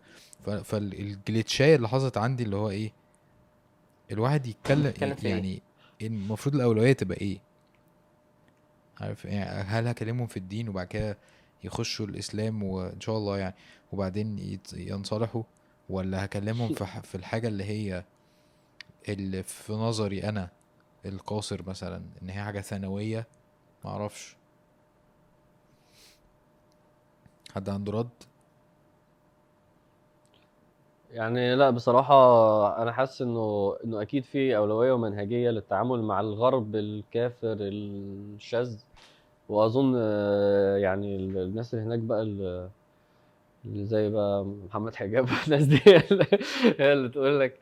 بس أنت إن شاء الله هترجع قبل ما تروح أيكيا تاني يعني وخلاص. وتيجي أيكيا اللي هنا تكلم ناس في صلاة العصر تبقى- وكده يعني عادي يعني. فلا ما بس أنا برضو يا شيخ شريف آه، عايز أسألك سؤال. طب أنا يعني أتعاطف مع مين ولا ما أتعاطفش خالص؟ وحش سؤال وحش. ولا سؤال آه، سؤال وحش سؤال وحش عشان مش جينيون يعني عايز عشان أنت عارف يعني الإجابة. عشان إحنا عشان ما أنا بحاول أبقى بودكاستر بقى. بص لا لا يعني. أنا يا شريف برضو لو عندي يعني مين اللي مش مع الناس دي؟ ونعمل معاه إيه؟ وهو مطلوب وهو المفروض يعمل إيه؟ و... أنا آخر آخر آخر حلقة كنت بصور مع الشيخ. أحمد جلال وكنت متقمص شخصية حازم آه. لدرجة إن أنا لما الشيخ بيقول حاجة قلت يا آه. سبحان الله قلتها مثلا بتاع خمس ست مرات وما خدتش بالي غير بعد فاهم في آخر حلقة فاهم يا سبحان. الله آه آه، والله. أنا بحاول أعمل عامل عامر كاست كده و و فيعني لا لا فعلا عشان برضه نبقى يعني أنا يعني إحنا غطينا أنت مشاعرك القلبية أنت نظ... أنت لازم تقول إيه أنت تقول على الفعل ده إيه الناس دي ربنا ب... بينقذهم قد إيه. بس إحنا عارفين إنه لسه في في شريحة كده وممكن يبقى مسلم و و. وربنا ابتلاه يعني زي ما واحد ربنا ابتلاه بالفقر واحد ربنا ابتلاه بالشلل واحد ربنا ابتلاه بعدم الإنجاب واحد ربنا ابتلاه ب... ب... ب... ب... ب... ب... واحد عنده واحد مدمن زنا ده موجود. وممكن يبقى واحد ربنا ابتلاه بإن هو نفسه بتحدثه بده آه،. بدأ الشيطان يوسوس له بده بدأ إن هو وهو ممكن يكون آه، ساب نفسه بقى. ودخل في موضوع أصلا كمان مراحل أصعب من كده طيب خلينا ولكن آه ممكن ولكن هو عشان بس اوصف الشخص ده صح هو هو متضايق إنه كده يعني زي بالظبط اللي ما بيصليش هو متضايق يعني مشاعره اتجاه ده أنا مش أنا مش مبسوط طيب أنا مش مرتاح هو ده أنا قابلت قابلت كذا شاب بالطريقة دي آه، يعني آه وممكن يكون طبعا وده متوقع متوقع إلى حد ما آه، بالذات في مجتمعنا ده مش قادر يقول مش عارف يعبر مش مش محدش عارفه محدش حاسس. طيب هو أنا طيب. حاسس إن ده كده يعني ده مش زي قوم لوط صح؟ مستوعب ده بس بس يعني أنا هو ده كان جزء عندي من الكلام إن إحنا هنتكلم عن عن العلاج يعني من الجهة الناحية الإيمانية يعني. ولكن إحنا كده هنقفز على نهاية الحلقة فاهمني؟ يعني هل أنت عايز يعني إحنا هنتكلم عن الشخص يعني ده عايز لو عايز خلاص ما دام الموضوع اتفتح نتكلم فيه دلوقتي بس لو إحنا إحنا لسه عايزين مش نتكلم عن مشكلة أنا بس حبيت حسيت وإحنا بنتكلم عن نماذج. طب خلينا آه خلينا نكمل خلي ده معانا خلي ده معانا ده معانا. جدا. يلا.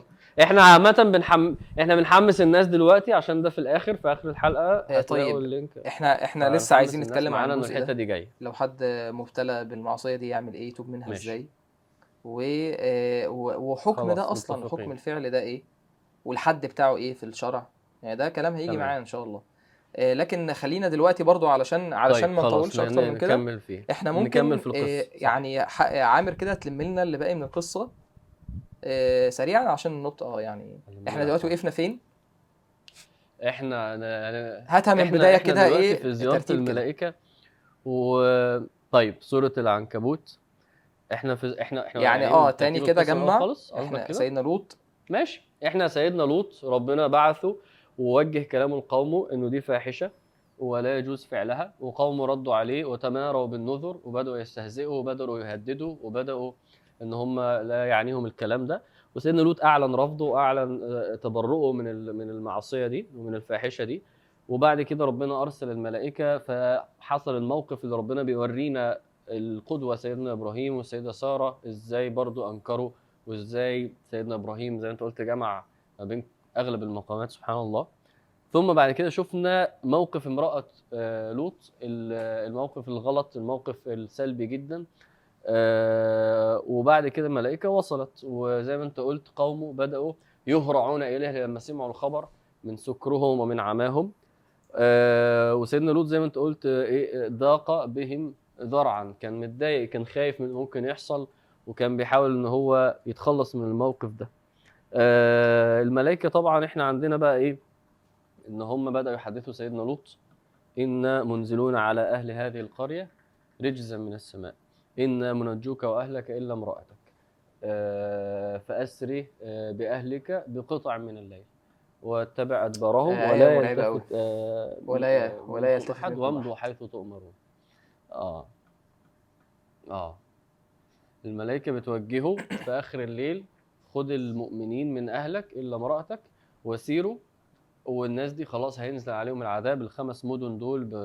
ب... آه، هينزل عليهم عذاب وهنشوف صورته دلوقتي.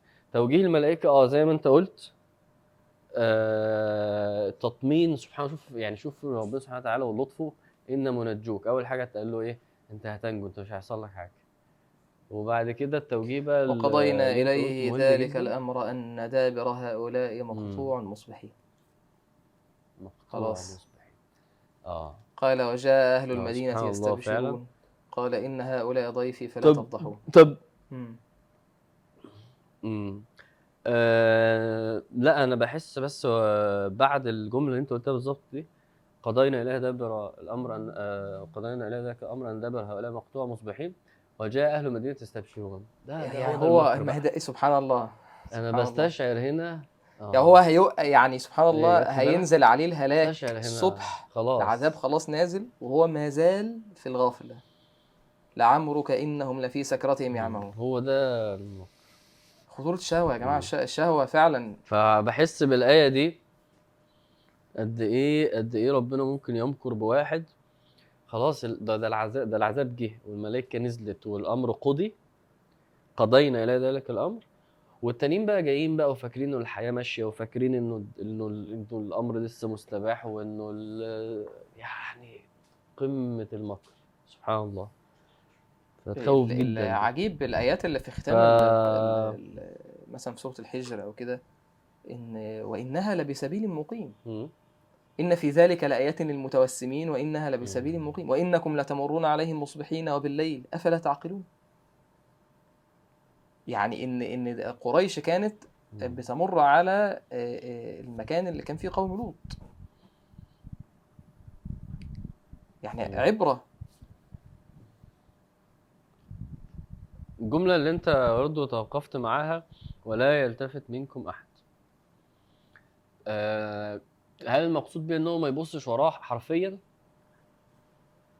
ولا إن هو ما يعني أنا أنا قرأت إن هي الالتفات يعني القلب يعني؟ إن هو يعني فيها القولين يعني. آه القلب. هي دي هي دي يعني يعني آه إن أنت اولا ما تبصش وانه قلبك نفسه خلاص ارمي الموضوع ده وراك. سبحان. الله. ما لأنه الإنسان يا جماعة مش عارف فعلا هو مدخله منين. عارف آه، الشيطان لما النبي صلى الله عليه وسلم قال إن الشيطان قاعد لابن آدم بأطرقه كلها وبعد كده يأتي بقى من طريق مثلا إيه؟ الإسلام. تسلم وتذر دين آبائك وكذا. فعصاه فأسلم. وبعد كده طب هيهاجر آه، تترك وبعدين يجي لهم. كل مرة من حتة تسيب بيتك تسيب فلوسك حتى الجهاد قال له حاجة عجيبة جدا ويتم أولادك وزوجتك تتجوز واحد تاني بص جاي له جاي له من حتة. عشان انت ما تعرفش انت هتقع فين هتقع منين. تخيل ان هو الأمر اللي اتقال لهم يا إما ما حدش يبص وراه النظرة دي ممكن تعمل فيك حاجة. وقلبك أصلا والأفكار ما تقعدش تفكر في الموضوع. صح. في واحد بيقع وقعات نتيجة إن هو ساب نفسه يسرح ويفكر وضعف وما مسحش حاجة ومش عارف إيه وقام نزل نزولة صغيرة. يعني وده بيتقال لنبي وبيتقال لمؤمنين. فالانسان بس يحترم بس بشريته يعني زي ما دكتور أحمد برضو إيه كان بيقعد يقول يعني. فبس دي يعني يعني إيه؟ سبحان الله متأمل آه، يعني تأمل في للي أنت يعني يعني. عرض القصة في سورة الأنبياء. سبحان الله شيء مبهر. يعني ربنا سبحانه وتعالى قال ولوطا آه, آه. الأنبياء. ولوطا آتيناه حكما مم. وعلما ونجيناه من القرية التي كانت تعمل الخبائث. إنهم كانوا قوم سوء فاسقين. يا جماعة شوفوها كده. شوفوا الفاحشة دي كده. شوف رب ربنا سبحانه وتعالى هو الملك. مم. نجيناه من القرية التي كانت تعمل الخبائث. إنهم كانوا قوم سوء فاسقين. وأدخلناه في رحمتنا إنه من الصالحين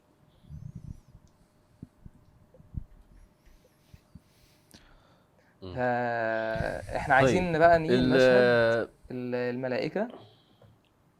نزول الملائكة العذاب. الأول مشهد اللي هو اللي صح. في اللي لأ لسه معانا في آه، في سورة؟ القمر إحنا خلاص يا ابني خرجنا من القرية ومشينا سورة القمر في سورة القمر شفت قلت لك آه، قلت آه. لك المواضع كتير. ما صدقتنيش. كذبت آه قوم كذبت قوم لوط بالنذر إنا أرسلنا عليهم حاصبا إلا قال إيه؟ ولقد أنذرهم بطشتنا فتماروا. بالنذر هم ذكروا هنا في أسباب الهلاك. في سورة القمر. آه، اللي هم المماراة فتماروا بالنذر ولقد راودوه عن ضيفه. ومسألة الفاحشة يعني. آه آه آه آه فهمت قصدك. آه. فطمسنا. أعينهم فذوقوا عذاب يوم قيل إن إن كان مشهد إن وده سبحان الله اللي النبي عليه الصلاة والسلام ذكر فيه آه، صلى الله عليه آه، وسلم. حديث أيوه صح. ممكن واحد يتساءل هم عمالين آه يخبطوا يرحم باب اللي الله لوطا. قد كان يأوي مم. إلى ركن شديد. لما لما لوط عليه السلام هو أنا أنا أنا متخيل المشهد ده. والله فعلا إيه يعني صعب صعب آه، جدا. مشهد أنت مرعب مشهد مرعب. دول ناس عندك ضيوف الباب ضيوف بيخبط. وانت المفروض انت تحميهم وتضيفهم وعارف هم هيحصل فيهم إيه. وبعدين انت بتزق الباب والقوم قاعدين بيرزعوا على الباب بيخبطوا وعايزين يقتحموا البيت وياخدوا الناس اللي عندك في البيت. وهو لوط عليه السلام بيدفع الباب ويقول لو أن لي بكم قوة أو آوي إلى ركن شديد. فقيل إن هو كان يكلم ال ال ال ال الملائكة على أساس إن هم رجال. حسان هم يعني شايفهم يعني إيه شبان مش قادرين إن هم يدفعوا. فيعني كأنه بيقول يعني لو إن- لو أنا يعني لو أنتوا معايا يعني أقوياء يعني نقدر إن إحنا نطلع لهم آه، آه، ناخد حقنا يعني أو ندفعهم. أو آوي إلى ركن. شديد. لو ليا عشيرة تمنعني. قيل إن هو إحنا قلنا آه إن هو غريب إن آه. هو مش من البلد. قيل إن لوط عليه السلام ذهل عن تمام التوكل. وقيل إن هو لأ يعني هو كان متوكل على الله سبحانه وتعالى وإن ربنا وقال رب نجني وأهلي. الأسباب بيذكر الأسباب. لكن بيذكر والنبي عليه الصلاة والسلام اعتذر لوط قال يرحم الله لوطا. قد كان يأوي إلى ركن شديد. يعني الله سبحانه وتعالى. فهنا بقى في اللحظة دي آه، زهل يعني يعني يعني ممكن أنت في في وقت الشدة آه، آه، بص على ال- الأسباب اللي حواليه. نفس الخلاف اللي في قصة يوسف عليه السلام اذكرني عند ربك. مم. ف... أيوة، ف... فالنبي عليه. الصلاة والسلام اعتذر للوط عليه السلام. قال يرحم الله لوطا قد كان يأوي إلى ركن شديد. يعني الله سبحانه وتعالى. هنا في اللحظة دي بقى آه، قالوا يا لوط إن رسل ربك لن يصلوا إليك. إن رسول ربك. لا يصلوا ليه خلاص ما آه، مش هيعرفوا خلاص. مش هيعرفوا يخشوا جبريل ع- يصل قيل في. التفسير إن جبريل عليه السلام آه، يعني كأن سيدنا لوط كده إيه تنحى كده وسيدنا جبريل عليه السلام ضربهم بجناحه آه، آه، فارتدوا فطمسنا اعينهم المجموعة دي اللي كانت رايحة فقدوا فقدوا أبصارهم. سبحان الله. أنا يعني كان مر عليا ان إن هم حتى من من شدة الفتنة إن هم رجعوا يعني بيتوعدوا لوط عليه السلام ورجعوا قالوا إن إحنا آه، آه، ان إن أبصارنا ذهبت آه، بسبب شدة جمال ال- ال- الشبان اللي عند لوط سحرونا يعني. بجمالهم يعني وكده يعني طبعا يعني شيء من مش عارف ليه يعني. أنا بقى اللقطة بتاعت اللقطة بتاعت آه، ملائكة ما بيقولوا ما بيقولوا بثقة لا يصل إليك دي بتبهرني جدا مش عارف ليه. ده خلاص الموضوع خلصان. ما- ما بت- بتريحك بتريحك بت- بتريحك يعني يعني انت مطمن على سيدنا لوط. ومطمن إنما- عليهم برضو لأن هم ومطمن عليهم إنما أنا ما أنا ساعات يعني لو الباب خبط دلوقتي طب وأنا؟ يعني أنا مع يعني أنا يعني أنا أنا معايا المعايا دي قصدك إيه يا ابني؟ أنت أصل دي انت ما بتاخدش ده عشان انت عايزه. انت بتاخد ده لو انت تستحقه طب وأنا يا رب يعني اهو سيدنا لوط في. أمان و... وسيدنا يوسف في أمان وكل الانبياء العظام دول في أمان لانهم استحقوا الولاية دي. طب وأنا؟ ما أنا ما أنا ما... سبحان الله. يا رب ربنا يحفظنا ويتولانا برحمته آمين. نزول العذاب. عمورة. طب يا جماعة أنا أنا وسط كل الأقوام لا ده أشد عذاب بصراحة لحد دلوقتي أو بالنسبة لي أنا وقع عليا أنا أولا هو صورته إيه؟ يعني في سورة القمر زي ما أنت قلت ربنا قال إن أرسلنا عليهم حاصبا وفي سورة الشعراء آه وأمطرنا عليهم مطرا وفي سورة هود فلما جاء أمرنا جعلنا. عاليها سافلها وامطرنا آه وامطرنا عليها حجارة من سجيل منضود. فهنا برضو تفسير للمطر ده كان عبارة عن إيه؟ آه حجارة من طين آه أرسلت عليهم يعني. وبعد كده في سورة الحجر ربنا قال فأخذتهم الصيحة مشرقين فجعلنا عليها سافلها. فاذا الناس دي حصل لهم ثلاث حاجات الحاصب أو الصيحة والقرية اترفعت واتقلبت فالناس دي العذاب بتاعها يعني مش حاجة ولا اتنين ولا تلاتة. شوف سبحان الله الصيحة الصوت الشديد اللي أرسل عليهم وانه سيدنا جبريل رفعهم وانقلبوا حتى وصلوا للسماوات وسمعت الملائكة صياحهم. وكمان أمطر عليهم الحجارة اللي من السماء. إيه ده كل ده؟ يعني ده ده ده إيه يا رب كل ده؟ إيه الانتقام ده وإيه الشدة دي؟ حاجة حاجة شديدة جدا جدا جدا بصراحة. يعني وبعدين سبحان الله برضه أحد المشايخ لما علق وقال الجزاء من جنس العمل الله الديان إنه كما هم يعني قلبوا الفطرة فربنا قلب. عليهم الأرض. هل في ف... إن إن هم دول بتوع بومبي ولا دي حاجة لا لا تانية؟ حاجة تانية طبعا. لا ال- لا لا لا- لا، حاجة تانية لأنه العذاب ده أصلا مش هو ده التاني ده بركان صح. ومتجمدة والحاجات دي. إنما دول أصلا القرية يعني القرى معروفة هي فين؟ وربنا زي ما شريف قال يقول إنكم لتمرون عليهم. يا دول معروف فين؟ جنب البحر الميت يعني. فحتى المكان مختلف يعني. آم، إنما يا جماعة أنتوا متخيلين يعني إيه؟ أنا مش عارف أنا شايف العذاب ده رهيب. يعني إيه واحد يترفع في السماء ويتساب كده يدشدش على الأرض؟ يترفع في السماء مش يت- مش يتنط من العمارة. الملائكة بتا... السماء فوق غلاف الجو ده. حاجة إيه ده؟ تقريبا في كا- كان في حاجة سمعتها إنه من كتر ما اترفعوا كان ال- الملائكة بيسمعوا كانوا هم نباح الكلاب. صيحهم ونباح كلابهم صح؟ مم. يعني؟ وبعد كده ينزل عليهم وبعد كده إيه ده؟ يعني ما كفاية يا رب. شوف. الفاحشه دي عظيمة قد إيه. سبحان الله. ورهيبة قد إيه. هو اللي أنا اللي أنا عايز فعلا ألفت النظر ليه لنفسي اولا الصراحة إن أنت في أول الكلام خالص بتقول إنه القصة دي كانت أنا كنت مستغربها ومش عارف إيه و... وبعدين لما بدأت تتعرض للي بيحصل دلوقتي ده بقى بقيت فاهمه بقيت مش مستغربه قوي كل الكلام ده. لغاية لما نوصل للشخص اللي متعاطف مع الموضوع أو بيأيد أو ايا كان. فانا بشوف إن أي حاجة إحنا بنتعرض لها بتهون علينا الموضوع أكتر. ففكرة إنك مثلا هتتفرج على فيلم الفيلم ده فيه كاركتر عنده الأزمة دي عارف؟ رحت بلد البلد بيتكلموا فيها عن الموضوع ده قريت أخبار فيها كذا كذا حاجة من المعلومات اللي إحنا قلناها النهارده. المطعم اللي أنا قلته ده. مثلا كل الحاجات دي.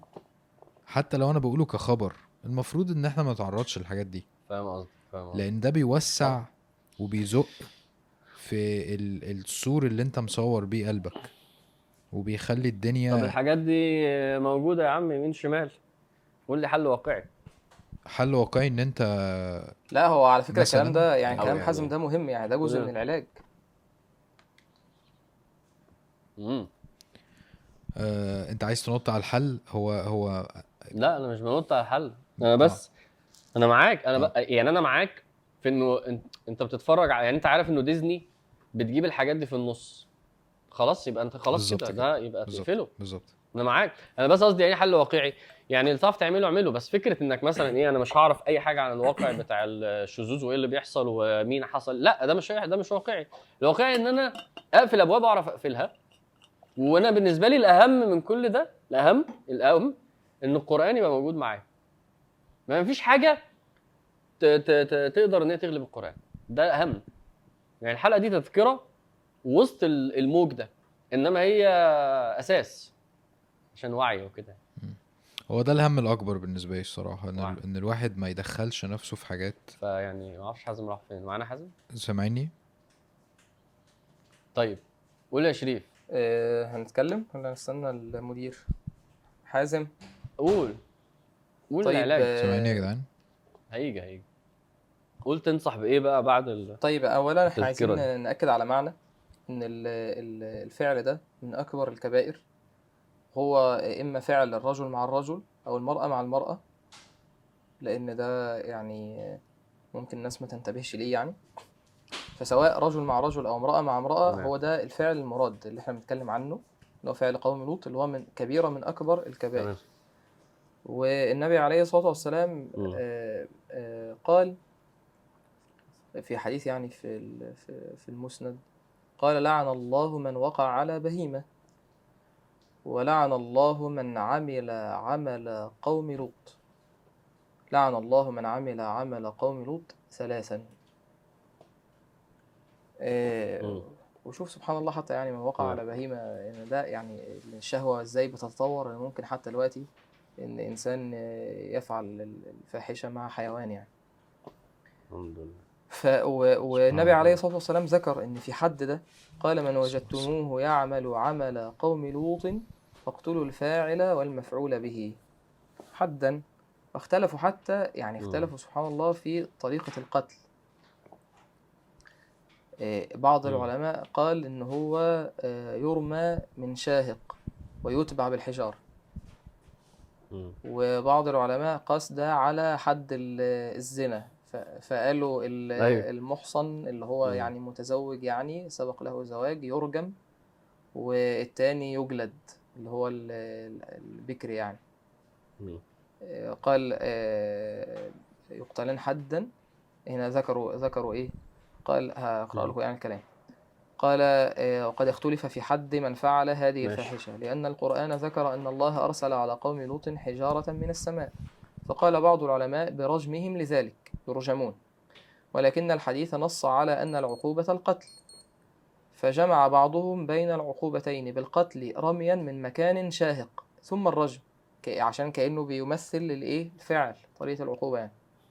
أيوه أيوه ومنهم من جعل حد اللواط مثل الزنا فيرجم المحصن ويجلد غير المحصن بينما قال آخرون إنه يعذر ولا. حد عليه أو إن الأمر الحاكم إن شاء قتل وإن شاء عذر يعني التعزير والتأديب يعني إن هو لا يصح أيوه أيوه يبقى الأمر على ال على. على يعني يعني في في خلاف في يعني. خلاف بين. العلماء بس ده إحنا بنقول الكلام ده ليه؟ فاهم طبعا إحنا مش مش أنت اللي بتطبق الحد يعني لكن علشان تعرف الأمر قد إيه عظيم عند ربنا سبحانه وتعالى الفعل ده قد إيه فاحش طب طب إحنا دلوقتي إيه، لو حد. بيسمع مثلا وهو إيه، يعني في يوم من الأيام تعرض لحاجة زي كده أو وقع حتى هو يعني عنده الأمر ده واقع فيه أو. الشخص اللي قلنا عليه قبل كده إيه، شوف. لازم نتكلم في نقطة مهمة جدا جدا لو انت دخلت الاستدلال ان ب... يعني لو دخلت نفسك في قصة ان دي حاجة ده مرض وده أنا إيه، مش قادر ان أنا اتخلص منه وأنا مخلوق كده ولو دخلت نفسك في القصة دي ده ده مسلك مش مسلك. إيه، مش مسلك علاج أنا أنا دلوقتي مش بتكلم من الجهة النفسية و... و... وده الأطباء النفسانيين النفسيين اللي هم متخصصين في الطب النفسي وفي العلم الشرعي عندهم كده علم هم يتكلموا فيه. لكن أنا بتكلم في معنى معنى إيماني اللي هو يا جماعة ربنا سبحانه وتعالى ذكر لنا الأمر ده على أساس إن هو آه، فاحشة شهوة شهوة يعني إن ربنا سبحانه وتعالى أرسل لوط عليه السلام علشان يقوم الانحراف في السلوك الجنسي اللي كان عند الناس دي الفحش ده الفجور ده. فلو الأمر ده الإنسان لا يستطيع إن هو يتخلص منه لا يستطيع إن هو يتركه لا يستطيع إن هو يتوب منه لا يستطيع إن هو يحجم الشهوة دي فهيبقى إزاي ربنا سبحانه وتعالى يعذب الناس دي على على شيء هم آه، ما لهمش يد فيه؟ مظبوط. يبقى ده. عبث يبقى ده ظلم. ده يا جماعة ربنا سبحانه وتعالى أرسل رسول يعني ما تتغروش بالكلام اللي بيتقال والأوراق اللي اللي بتطلع اللي هي كذب وربنا سبحانه وتعالى أرسل رسول هي تعامل هنتعامل معاه لو جيت دلوقتي هل هل يقبل إن حد دلوقتي يقول يا جماعة والله أنا بصراحة أنا مولود إن أنا عندي مشكلة شهوتي زايدة تجاه الأطفال وأنا مش قادر أمسك نفسي وأي طفل هشوفها هغتصبها هل ده يقبل؟ آه هيقبل بس كمان شوية. هيقول والله يا جماعة في مرض اسمه كده وهو جيناته كده وخلاص. هل ده مقبول آه، آه، تجاه النساء؟ إن واحد يقول أنا شا... ما هو عنده شهوة يقول أنا شا... أنا أنا مولود كده عندي مرض والشهوة دي زيادة فما بقدرش أمسك نفسي. النبي عليه الصلاة والسلام لما جاله الشاب وقال يا رسول الله. ائذن لي في الزنا؟ صلى الله ائذن لي في الزنا؟ هو لا بد إن هو جاي عنده مشكلة في الشهوة مش قادر مش قادر يتحكم في نفسه. النبي عليه الصلاة والسلام ما, ما قالوش خلاص انت انت معذور ومرفوع عنك القلم وروح اعمل اللي انت عايزه النبي عليه الصلاة والسلام عالجه. بالطريقة ب... الاستسلام غلط. عالجه قال له ال- الكلام اللي إحنا عارفينه أتحبه لأمك تحبه لأختك لابنتك ل- لحد لما في الآخر النبي دعا له فنتعامل لو انت حطيت في فكرة أيوة. إن ده أنا والله ضحية وأنا مريض وخدت الكلام من ناحيتهم ده ده أكبر غلط إحنا نتعامل معاه إن هي شهوة ودي معصية وكبيرة من أكبر الكبائر ولو لو الإنسان مات وما تابش منها يقف بين يدي الله هو هو فاعل كبيرة فهو هو بين يدي الله سبحانه وتعالى من أهل المشيئة. أنا أتعامل إن هي معصية. معصية بحاول أتوب منها و- وأبطلها. فده ده ده كلام كلام كلام مهم جدا الصراحة. كلام مهم وقوي جدا وده ظبط عندي حتة آه، نظرة التعاطف. آه، آه، إحنا المفروض ما ما نتعاملش مع الناس إن هم يعني ولا إن إحنا يعني نقول آه أنت مذنب وبتاع ون- ونشهر ولا ولا حتى في قلبنا نبقى كده. بس في نفس الوقت ما نبقاش متعاطفين. آه، لأن ده فعلا اللي بيحصل. الواحد بيلاقي نفسه فعلا بي بيبدأ يتعاطف مع حتى لو هنقول أخ ليه مثلا عنده المشكلة دي. ففي فرق بين إن أنت بتتعاطف معاه كشخص آه، بيلجأ آه، ليك مثلا أو بيلجأ لعلاج وفرق بين إن أنت تفصل ما بين ده وما بين الذنب نفسه فأنت ظبطت عندي دلوقتي حتة إن الذنب ده كبير جدا جدا وما فيش حاجة اسمها أصل مش عارف إيه بتاع كلنا عندنا تحديات وكلنا عندنا حاجات ب ب بنذنب بالظبط أصل شد الخط شد الخط يعني. شد الخط على لو أنت فتحت المجال لده طب ما واحد هيقول لك أنا عندي شهوة إن أنا بالظبط. أسرق وأنا ده مرض عندي السرقة ده مرض وخلاص بالظبط كده هل الشرع يتعامل مع مع الذنوب التعامل بالظبط. ده؟ بالعكس الشرع بيتعامل سرقت بمنتهى أنت عندك مرض أنت تسرق. إيدك هتقطع برضه بالظبط بالظبط كده ال ال- لا و... وكبشرى يعني أنا فاكر أنا يعني أنا ما كنت ببص زمان بصراحة على المسجات وكده يعني أنا فاكر أظن على الأقل اتنين أو تلاتة. أنا عندي المشكلة الفلانية بعد ما الحلقة بتاعت أنا وأنت حازم عملناها مرة قبل كده. وأنا ما مش متخصص ولا حاجة بعتهم ل... لمجدي يعني وأنت عارفه يعني. أنتوا عارفينه. و...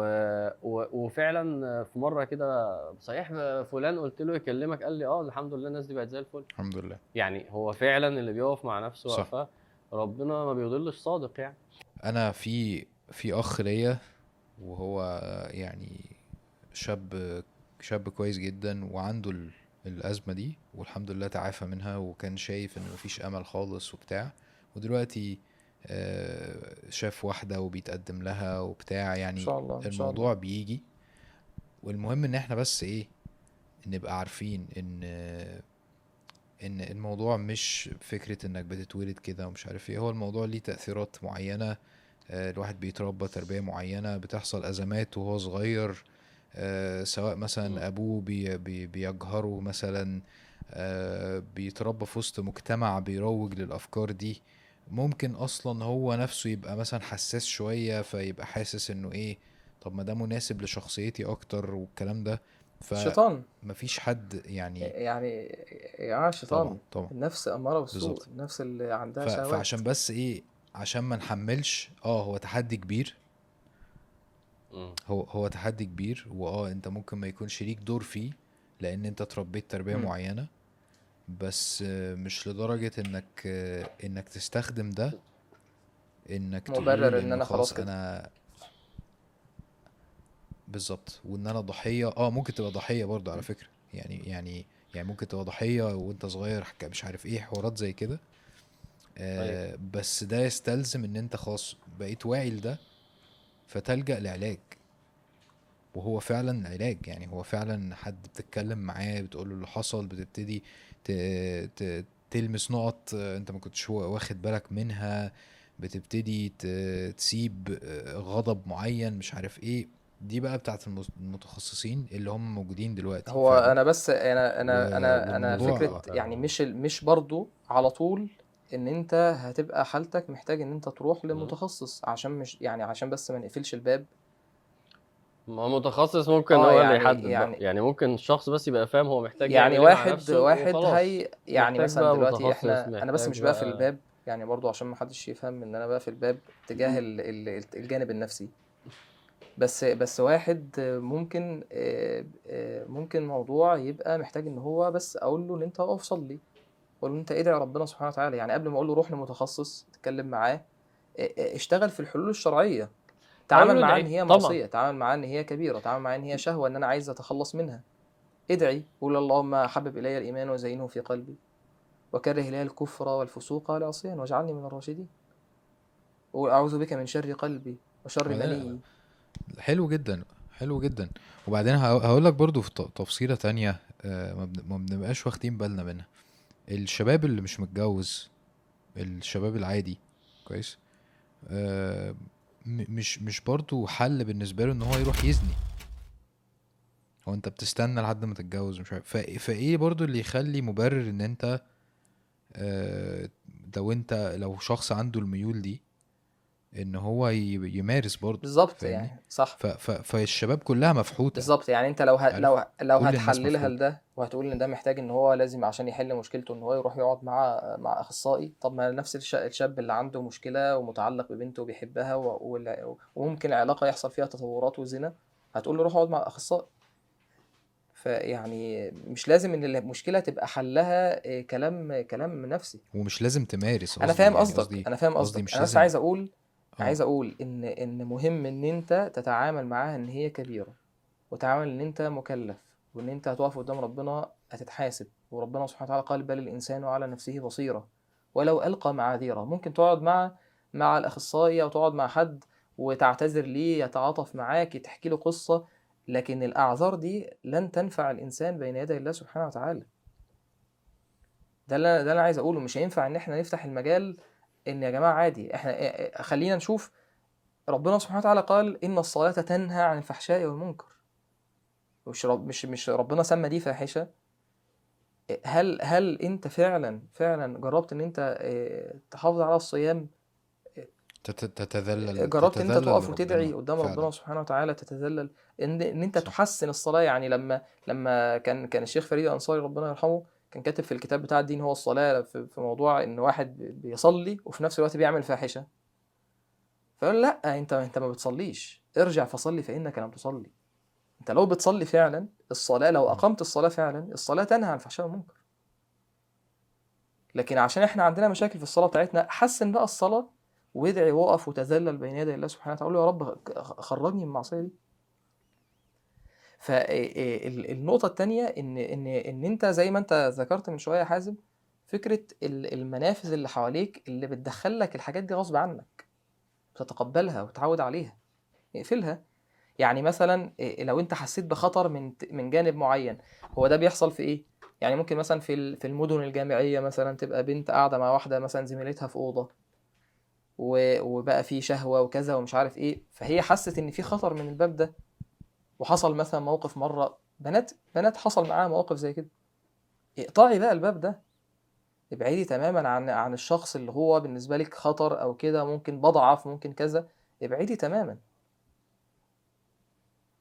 ف يعني ده ده صراحة ده اللي عندي يعني الدعاء الاستعانة بالله سبحانه وتعالى العبادة الصلاة التعامل معاها إن هي ذنب يحتاج توبة واستغفار وإن أنا أستر على نفسي. مش مش مش الأصل مش الأصل إن أي معصية بعملها أروح أحكي لواحد. ده مش الأصل. أنا يعني لو أنتوا حتى لو مختلفين معايا ما عنديش مشكلة أنا- في ده بس. يعني لا لا أنا فاهم أنا فاهم قصدك أنا فاهم قصدك. أنا أنا ما عنديش الصراحة البعد الشرعي بتاع بتاع ده أنا أنا ما معرفوش لكن أنا عارف شباب آه، مجرد إن هي بتحكي لشخص مثلا هي بتثق فيه ممكن الموضوع يت- يتحل لأن هو مثلا مثلا يعني جزء كبير من المشكلة دي بيبقى مثلا متعلق بإنه أنت كشاب آه، ما حصلتش على الدعم الكافي من. من من الراجل اللي هو الأب مثلا فبتبقى عايز تحس إن أنت ممكن تتكلم مع راجل تاني زيك ويشوفك إنك راجل و... ويعترف بال... بالمشاعر دي وحاجات زي كده. فأنا ما أعرفش يعني أنا ده دي المعلومات اللي عندي. ما أقدرش أقول إنه شرعا ينفع أنا ما أنا ما أقدرش أقول كده. وفي نفس الوقت ده مش مش مش المفروض إن أنت تروح تقول ل 16 أيوة، أيوة، واحد فاهم.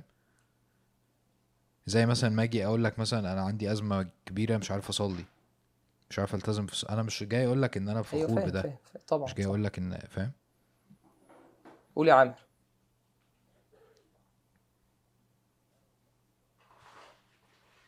طيب يعني عموما في الآخر إحنا يعني آه، آه، في الآخر إحنا بنفتح باب لينا كلنا يعني إن كل واحد آه، ليه تحدي كل واحد مبتلى بحاجة بيحاول يجاهد نفسه فيها. فمش معنى الكلام ده إن لو حد مبتلى بال... بال... بالمعصية دي إن هو يحس إن هو إن هو بعيد أو إن هو ملوش مكان أو إن هو زي ما أنت قلت يعني إن هو ملوش يعني ربنا سبحانه وتعالى مش هيقبله. فيعني ربنا سبحانه وتعالى عفو كريم رحيم. لو الإنسان أقبل على الله سبحانه وتعالى بصدق و... وتوجه الله سبحانه وتعالى ربنا سبحانه وتعالى يعينه. I love you bros. بس ب... بس حب في الله.